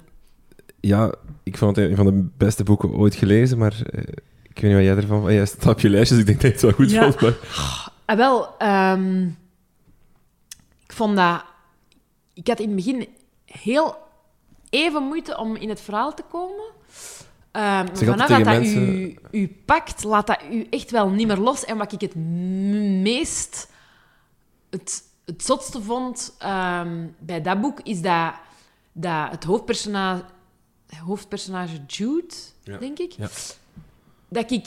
Dat was voor mij zo'n levende mens, dat ik echt nog maanden later precies mij soms afvroeg, hoe zou het er nu mee zijn? Ja. En dat ik zo dat ik op een bepaald moment mij er zelf erop betrapte, zo twee jaar later of zo, dat ik zei, ja, een vriend van mij heeft ook dat mee. En dat ik dacht, fuck, dat is helemaal niet. Dat is gewoon dat personage uit die boek. Maar ja, zo, zo diep. En Zo, dat, dat boek is ook 500 pagina's, dat duurt zo lang. Die maakt zoveel mee. En, en ja, dat, dat, dat raakte mij gewoon heel, heel, heel... Ja, heeft mij gewoon heel hard geraakt. En ik dacht zo... Um, ik had daarna ook echt heel veel last om aan een nieuw boek te beginnen, want ik elke keer dacht, goh ja, maar het is toch een little life niet. Zo, ik, moest, ik moest daar echt zo van, ik moest daarvan bekomen. Zo. En ik had zo soort diepje in mijn, in mijn leesdingen, omdat dat dan allemaal zo mij niet zo diep raakte als dat boek. En je hebt dan zowel, allee, daarna is er zowel veel uh, gezegd over zo van, wat is dat zo uh, emotionele porno of zo. Ja, ja, zo, ja. Al die dingen. En dan denk ik, ja, whatever. Mij heeft dat gewoon keihard mm. geraakt. Allee. Ja, zeker. Kan ja. ja. 200 bladzijden is even ja, doorworstelen. Je moet, je moet zo door een, een, Er is lang een aanloop. Aanlopen, ja. En dan gaat het eigenlijk alleen maar over die Jude niet meer. En dan mm -hmm. is het, is het 400 bladzijden. Is keihard, maar... Een heel klassieke roman die... Um, Vandaag zeggen ze ook, allee, zo zeker in de scenario-wereld, is dat van je moet open en direct grijpen. En ja. Zij doet dat eigenlijk niet. Zij neemt heel hard de tijd. Ja. Um, dus ze vraagt aan mij iets van lezers, maar het, heeft, mm -hmm. het, het, levert echt wel, wel veel op. Dus ik snap wel echt waarom het zo'n grote hit is. Ik heb dat soms ook wel echt moeten wegleggen, omdat ik zo hard geraakt was door dingen dat ik dacht, ik kan gewoon even niet meer verder ja, toen lezen. Ja, pijn, hè? Ja, toen echt pijn. Ja. Ja. Okay. Ja, maar vond ik ook. alsnog wel lezen, hè, ondanks... Ja, ja, ja. ja. Dat is echt een moeite. Ja. Ja, Ook daar wordt uh, een reeks van ontwikkeld. Echt? Tv-serie, ah, ja. als ik me niet vergis. Zo, ja. Maar het was ook al uh, heel knap vertaald naar theater, hè? Ja. Uh, er is een... Ik weet niet of dat je die voorstelling gezien hebt. niet kunnen zien, ja. Het was wel... Ja, Jullie hebben het ook, gezien? Ja, we hebben oh. het gezien. het was vier, vier uur. uur nog eens door. Maar het is echt... Het, je, je, denkt op voorhand vier uur, Jezus, dat is echt een eeuwigheid. Maar dat vloog voorbij. Ja, dat was eigenlijk ook heel, heel goed gedaan. Toch, de essentie van dat boek of zo hebben ze ja, de, wel... die regisseur is toch ook echt een wonder... Ja, ja, ja, wel een wonderbaarlijk en, uh, man, dus je weet... Ja, Ramzi okay. Nasser in, ah, als uh, Jude, dat was wel echt schitterend. Okay. Ja, dus moest je het ooit toch nog kunnen zien, het is echt, echt de moeite. Uh, een, een, boek, Department of Speculation. Department of ja, Speculation, uh, ja. Van Jenny Offel. Het grappige is, ik heb ge gezien op mijn Goodreads dat ik het ooit gelezen heb, maar ik herinner mij er niets meer van. Niets meer van, ja. Ik heb, ik heb het sowieso volgens mij in het Nederlands gelezen. Ah, ja. Maar ik, ik geen idee. Ik heb het in 2015, dus wel vijf jaar geleden dat ik het gelezen heb, maar dus geen idee niet meer. Zelfs als ik de, plot, de, de inhoud er lees, geen idee. Dus vertel, wat is er zo goed aan? Ah, wel, um, het is niet... Het gaat echt over um, een... Uh, het, is, het is niet zo een verhaal dat, dat, dat plotmatig goed is opgebouwd of dat, dat op dat vlak heel goed in elkaar zit, maar het is opnieuw een verhaal dat mij gewoon keihard geraakt heeft. Zo. Het gaat eigenlijk over... Uh, denk ik ook wel een, een, een vrij atypisch liefdesverhaal en een vrouw die... die, die, die terugkijkt op, op uh, de liefde met haar man. En die, die het heel moeilijk heeft. Maar het is, het is kei mooi beschreven. Super echt. Um, hartverscheurend. Um, ja, ik, dat was gewoon echt een boek dat super hard op mijn hart bleef plakken. En, en waarvan ik echt gewoon van... van ja, dat, is zo, dat klinkt zo heel cliché. Ik zou niet willen zeggen van elke zin heb genoten, maar zo, dat wel echt zo, ja. Heel mooie beelden, heel, heel dicht op de huid. Ehm, maar ik denk zo, zoals dat je bij boeken hebt, denk ik zo... Een boek moet soms op het juiste moment of zo komen. En Ja. voor mij kwam dat boek echt zo op exact het juiste moment. Dat ik het zelf ook zo wat moeilijk had. En ik voelde mij zo heel vereenzelvigd met zo de persoon die het schreef of zo. En, en die zo heel goed de, kon aanraken wat ik zelf op dat moment voelde. En, en ehm, voor de melancholische, iets melancholische zielen onder ons denk ik wel dat het... Maar het is super ook, het is heel uitgepuurd zo. Ehm, en niet te veel tirlantijntjes, niet te veel beschrijvingen. Gewoon zo heel... Ja, het is ook een vrij dun boekje. Maar ik vond het echt heel mooi. Het heeft wel een aardslelijke kaft, dus daar moet je doorheen kijken. Ja. Eh, en dat was ook heel grappig, want op een bepaald moment zegt ze dat over ehm, paarden, als die heel hard in paniek zijn om die tot rust te laten komen, dat ze een deken over die hun hoofd legden. En ik herinner mij nog dat ik had toen heel veel moeite met slapen en, en in slaap vallen. En dat ik, dat ik zelf een deken over mijn hoofd leg en dat ik dan altijd beter in slaap kon vallen. Ik had zoiets van, "Ah, ik ben ik voelde mij zo heel hard getroost door die gedachte. En ook zo van... Ik ben misschien een gereïncarneerd paard. En, en nu, heb ik, eind- zie, nu weet ik van waar het vandaan komt. En zie, ja, dat helpt mij. Dus ja... ehm, dus ik denk... Het kwam zo op het juiste moment, op de juiste... Maar ik vond dat echt een heel mooi boek. Dus ik vind ook dat iedereen het een kans moet geven. Oké. Ondanks het feit dat jij er werkelijk niks van Ik onthoudt. heb het wel vier sterren gegeven, dus... Dus ah, wel, op dat moment heeft dan wel iets... dus Maar ik kan, ik kan nu ook niet meer zeggen van hoe dat het in elkaar had. Of wat. Ik weet gewoon dat het... Het is echt niet zo... Dat is het is wel... een beetje gênant hier eh, aan het worden. Nummer 7. Over een kleine mol die wil weten wie er op zijn kop gepoept heeft. Van Werner Holtschwartz en Wolf Erlbrug. Ja. Wie heeft er op mijn kop gepoept? Ja. Ja. Ik weet niet, dat is een van de... Kin... Kennen jullie dat boek? Ik, ik ken de kaft en ik, ik weet wel wat het boek is, maar ik, ik weet niet of ik het al ooit bewust helemaal heb gelezen. Dat is echt een van de allerbeste kinderboeken. Supergoed. Dat is gewoon... Dus letterlijk, de kaft is dus een mol en die heeft een drol op zijn kop. en dus in dat boek gaat hij bij allerlei dieren op zoek naar wie er effectief op zijn kop gepoept heeft. En dan passeert hij dus... Ja, dat is super spannend. Maar ik vind dat echt van een soort van genialiteit die er vandaag weinig te vinden is. Als je kinderen hebt, koop het boek. Als je geen kinderen hebt, koop, het het boek ook. Doe jezelf een plezier. Ehm, ik denk 20 pagina's puur genot. En op het einde weten we ook wie er op zijn kop gepoept heeft. Dus, Dus allee, het lost alle verwachtingen werk- werkelijk in. Dus ja. Oké. Eh, in het oranje ochtendlicht van Nina Ricks. ja. Nog nooit van gehoord. Nee, ik ook niet. Nee. Ehm, ik ben bij dat boek terechtgekomen omdat zij... ehm, ik weet niet of dat jullie Modern Love... Dat is zo'n column in de New York Times. Ah, ja, ja, een podcast En nu, en nu een tv-reeks Een. TV-reeks Ja. ja. En ehm, dat gaat eigenlijk, dat zijn essays over ja, liefde en alles wat dat, maar in de zeer brede zin van het woord. En zij heeft zo een essay geschreven dat ik via die podcast ook had gehoord. En naar aanleiding daarvan hebben ze eigenlijk haar gevraagd om een boek te schrijven. En het is eigenlijk eh, een vrouw met terminale kanker.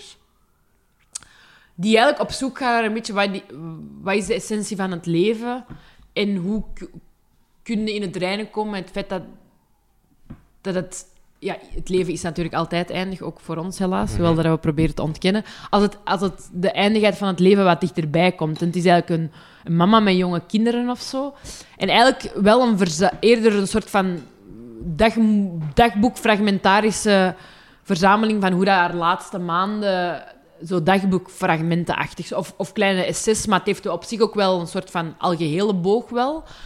Maar zij schrijft gewoon kei mooi over het leven en, en de, ja, de schoonheid van de alledaagsheid van het leven. Zo. En over hoe dat ze zo... Ja, nu dat ze dat weet, dat ze in haar bed ligt en naar buiten kijkt en het, het ochtendlicht ziet binnenvallen en dat ze nog nooit heeft beseft... Dat is een van de eerste dingen, hoe schoon dat het eigenlijk is.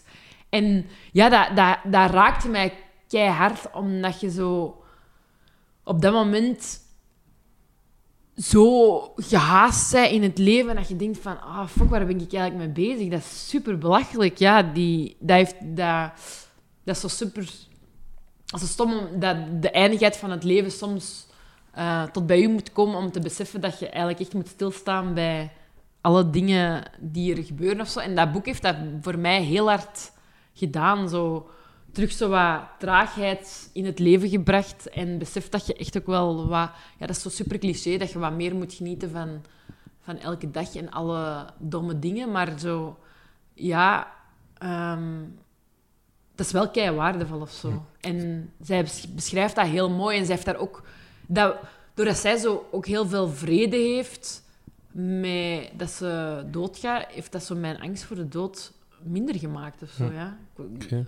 Omdat ik daar zo op een of andere manier sinds kinds af aan altijd al heel bang voor ben geweest. En ik was dan zo eerst heel bang om dat boek te lezen, maar eigenlijk heeft dat alles zo veel meer tot... Ja, dat heeft alles zo een veel grotere plek gegeven. En ehm, nu hoorde ik vanochtend de Touché-aflevering met Dirk van Duppen, die ook zo'n boek over eh, het einde van zijn...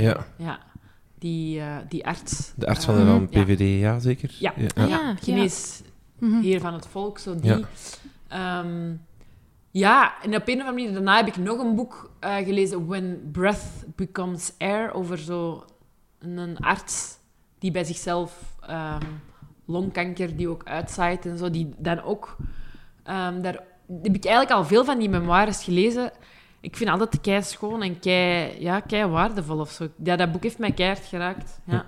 Zie je jezelf ooit eh, zo- zo'n soort boek schrijven? In de zin van, eh, eh, je boek nu is, is, heeft ook heel van die onderliggende ehm, dingen eh, die, die, die op de schoonheid van het leven, op de schoonheid van de liefde even duiden of willen Mhm. tonen. Hè. De, de prinskoek die dat, dat, dat, iedereen herkent en iedereen denkt iets van, ja, daar moet over babbelen met je lief, daar gaat het over.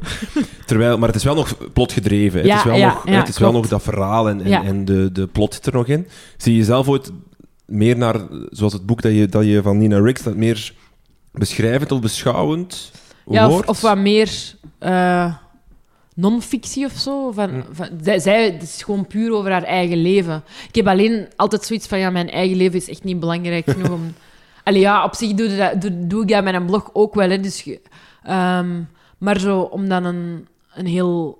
Ik lees super graag memoires van, eh, van, van, van mensen. En, eh, nu ben ik bijvoorbeeld een boek aan het lezen over een therapeute die zelf in therapie gaat en eigenlijk zo wat de moeilijkheden waar zij tegenaan loopt, ehm, verweeft in de verhalen, waar dat ze, in vier verhalen van patiënten. Het is ook kei mooi gedaan en je leert er eigenlijk ook kei veel over eigen bij.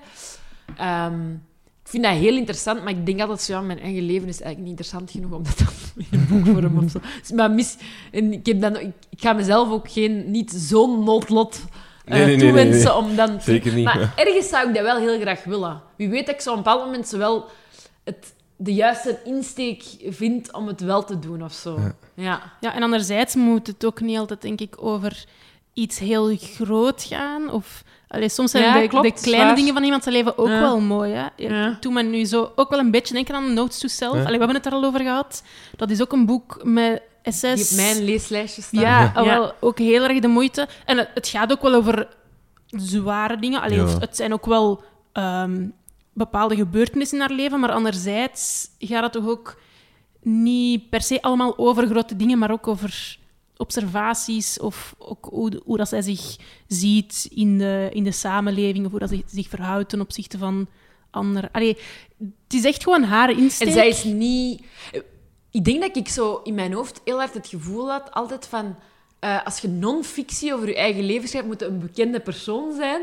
Of je moet iets heel erg Ja, wel. maar ik denk zo... Maar eigenlijk is dat ook niet. Ik denk dat we daar misschien eindelijk wat verlost van geraken. Maar ik denk wel dat ja. veel uitgeverijen nog wel wat meer in dat patroon zitten van ofwel schrijf je een roman, ofwel Mhm. een kookboek, een dieetboek, of...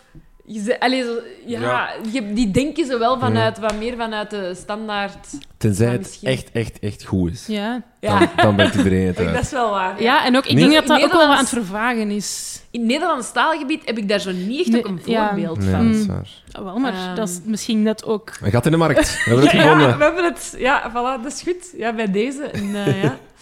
Ehm, nummer 9 van het lijstje. Eh, On Chesil Beach van, Chesil Beach, ja. van Ian McEwan. Ja. Ehm, ook nog nooit gelezen.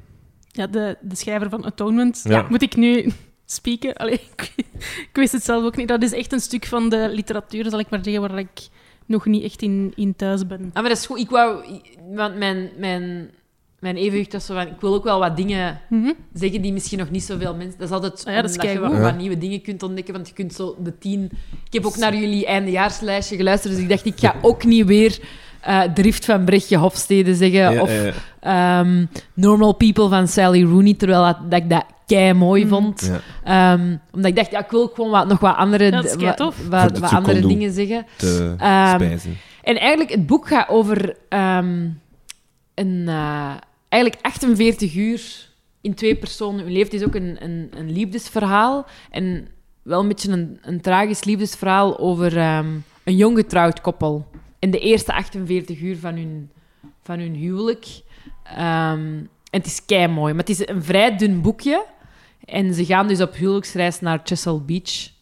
Maar ik heb het ik heb, ik heb er vooral ook heel goede herinneringen aan, omdat ik het heb gelezen als ik met mijn, mijn Lorenzo, mijn lief, was aan het rijden met de auto. En ik zat naast hem met zo de voeten op het dashboard, wat blijkbaar, nu heb ik nu onlangs gehoord, kei gevaarlijk is, omdat je dan zo... Door de ruit vliegt als er hard ge- Ja, klopt. Ja. Of, of, of dat je dat je knieën je koppen kunnen doorboren Ja. of zoiets. Allee, op een of andere manier is het een heel gevaarlijke houding. Maar het is wel een romantisch Eh, beeld. Ja, Ja, goed. toch. Ja, en, en zo het zonlicht viel in de auto en gewoon zo op de, op de wegen in Frankrijk aan het rijden en, dan- en dan zo op één autorit of zo uitgelezen. En dat was zo, ik had zoiets van, alles klopt aan deze moment. Zo, Hm. ah, Mooi. zalig. En dat boek was daar zo een heel groot deel van. En, en, maar het is, het is wel echt kei mooi. En ik ben gewoon een heel grote McEwan-fan. Dus ik wilde... Misschien moeten we er hij toch eens moest er- induiken. Ja? Ja, hij sowieso. moest er wel bij staan. Oké. Ja. En als laatste, het boek dat ook een, een, een belangrijke rol speelt in, in jouw boek, Remains of the Day. Ah, ja, ja, ja. Eh, Of een belangrijke rol, het komt er toch in voor? Het hè? komt erin voor. Het Ja. andere boek speelt een grotere rol. Hè? Het is eh, Never Let Me Go, waar dat Ah, ja, in ja, zitten. ja, ja. En Remains of the Day heeft Anna ook bij zich Ja. op Ja. haar reis. Zo is Dat het, was hè? ik eigenlijk al vergeten. Ja, Ja, ja, ja, ja. ja. juist, ja. ja, ik vond dat... Het is eigenlijk een... eh, Dat is al een iets ouder boek, denk ik ook. Het is van eh, Kazuo Ishiguro. Ja, Nobelprijswinnaar ook wel. Maar ik heb dus veel daarvoor gelezen. En normaal ben ik zo niet van de... Oh, ik moet de Nobelprijs lezen. Nu dacht ik, ik heb het gewoon al gelezen. Supergoed. Eh bij deze kan ik, mij toch ook, eh, kan ik toch zeggen dat ik ook wel grote literatuur lees. Nobelprijslezer. Ja, ja voilà, dat, dat, is, dat is ook een categorie, ja. Ehm, maar eh, het is eigenlijk mijn papa die dat boek aan mij heeft gegeven en die, die zei dat, dat ik dat heel mooi ging vinden. En op een of andere manier vond ik dat dan zo... Dat was zo heel bewust, zo uit dat dan zo... Ik kwam daar en hij... We gingen dan zo samen naar de boekenkast en hij nam dat er zo uit en ik denk dat je dit echt heel mooi gaat vinden. En, ehm, dus ik wilde het ook wel heel graag heel mooi vinden. Ja. Maar het is, het is een vrij traag verhaal, dus in die zin, eh, voor de huidige tijdsgeest misschien net niet altijd zo gemakkelijk, maar wel een kei mooi verhaal en ook heel toegankelijk en helemaal niet zo moeilijk Engels of moeilijke taal. En ja, er zit gewoon zo, er zit heel veel verlangen en gemiste kansen en tragiek in en zo. Ah, ik vind het echt heerlijk. Het is ook heel mooi verfilmd. Met Daniel Day-Lewis? Nee. Nee, het met eh, gewoon- eh, die... eh, allee, hoe heet hem daar? Ook van. Hannibal Lecter. Eh, Anthony Hopkins. Anthony Hopkins, ja. Maar, dus, maar, maar in mooi, niet, niet als Hannibal Lecter deze Ja, keer, maar dus de goede kant van, eh, van eh, Anthony Hopkins. En het is, gewoon een, het is echt gewoon een, een kei-mooi boek. En ehm, Ishiguro is gewoon echt een kei-goeie schrijver. En helemaal niet zo... Bij sommige Nobelprijswinnaars denk je van super terecht, maar ik vind dat wel echt moeilijk. Bijvoorbeeld zo het verdriet van België, als ik zo...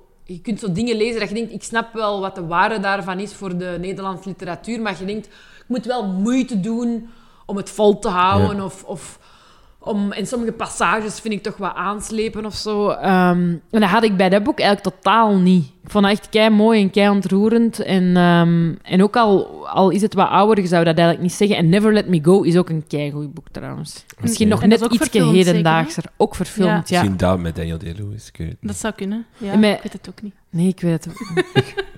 Ik, ik wil nu zeggen Keira Knightley, maar dat is van het tonen, dus Ja, dat dat klopt niet. Ja, Ja, Daniel Day-Lewis heeft ook in mooie films gespeeld. We zullen dat ja zeker. Toch ook nog. Echt, shout-out. Garme, ja. Oké, onze Tsukondu is weer een pak langer geworden. Het zal wel zijn. Eh dankjewel. Graag gedaan. Ehm moeten we nog iets? Heb je nog een Ik vraag? denk... Hebben jullie een soort van klassieke afsluiter? Ik weet niet, ik... ik Normaal denk- klappen we een boek toe, maar dat zijn we Ja. al een paar keer vergeten, dus heb ik op YouTube eh, een geluids van dingen gezocht en dat gedownload en dat erachter gezet. Dit is echt een behind-the-scenes Ja. feitje. eh, Maar ik zal me al klaarzetten. Ja, ja, maar wacht, wacht even, want we, we moeten nog wel afsluiten. Hè? Ehm, we moeten nog vertellen wat dat we volgende keer gaan doen. Toch? Volgende keer hebben we ook een gast. We gaan ook ehm, met een auteur praten die ook eh, een debutant is, maar haar debuut is net uit. Hè? Heel recent. Eh, het is... eh, Spannend. Ja, Hier is alles veilig van Anneleen van Offel. Ah, man. Eh, dus, lang verwacht ook. Echt Ja, wel lang ja, verwacht. zeker. Ja. Dus dat gaan we eh, lezen en het er dan binnenkort ook met daarover hebben. Ja, dan trekken we naar die andere stad, aan- eh, naar Gent, en dan gaan we daar praten Voilà. met Anneleen. Sita, heel hard bedankt om ons een inkijk te geven in de schrijverswereld van familie. Ik denk dat uit En- deze podcast blijkt dat mijn eh, moeite met bondigheid ook duidelijk is geworden. Dus ja, Goh ja, het was toch ook een reclameaflevering voor jouw boek en voor die tien prachtige boeken. ja, die ja dus, absoluut. Vooral voor die tien anderen. Het past ja. wel in de reclamewereld toch ook uitgebreid. dat was het. Dankjewel in ieder geval. Merci. En jullie bedankt eh, voor het luisteren en eh, tot de volgende. Yes, tot de volgende keer.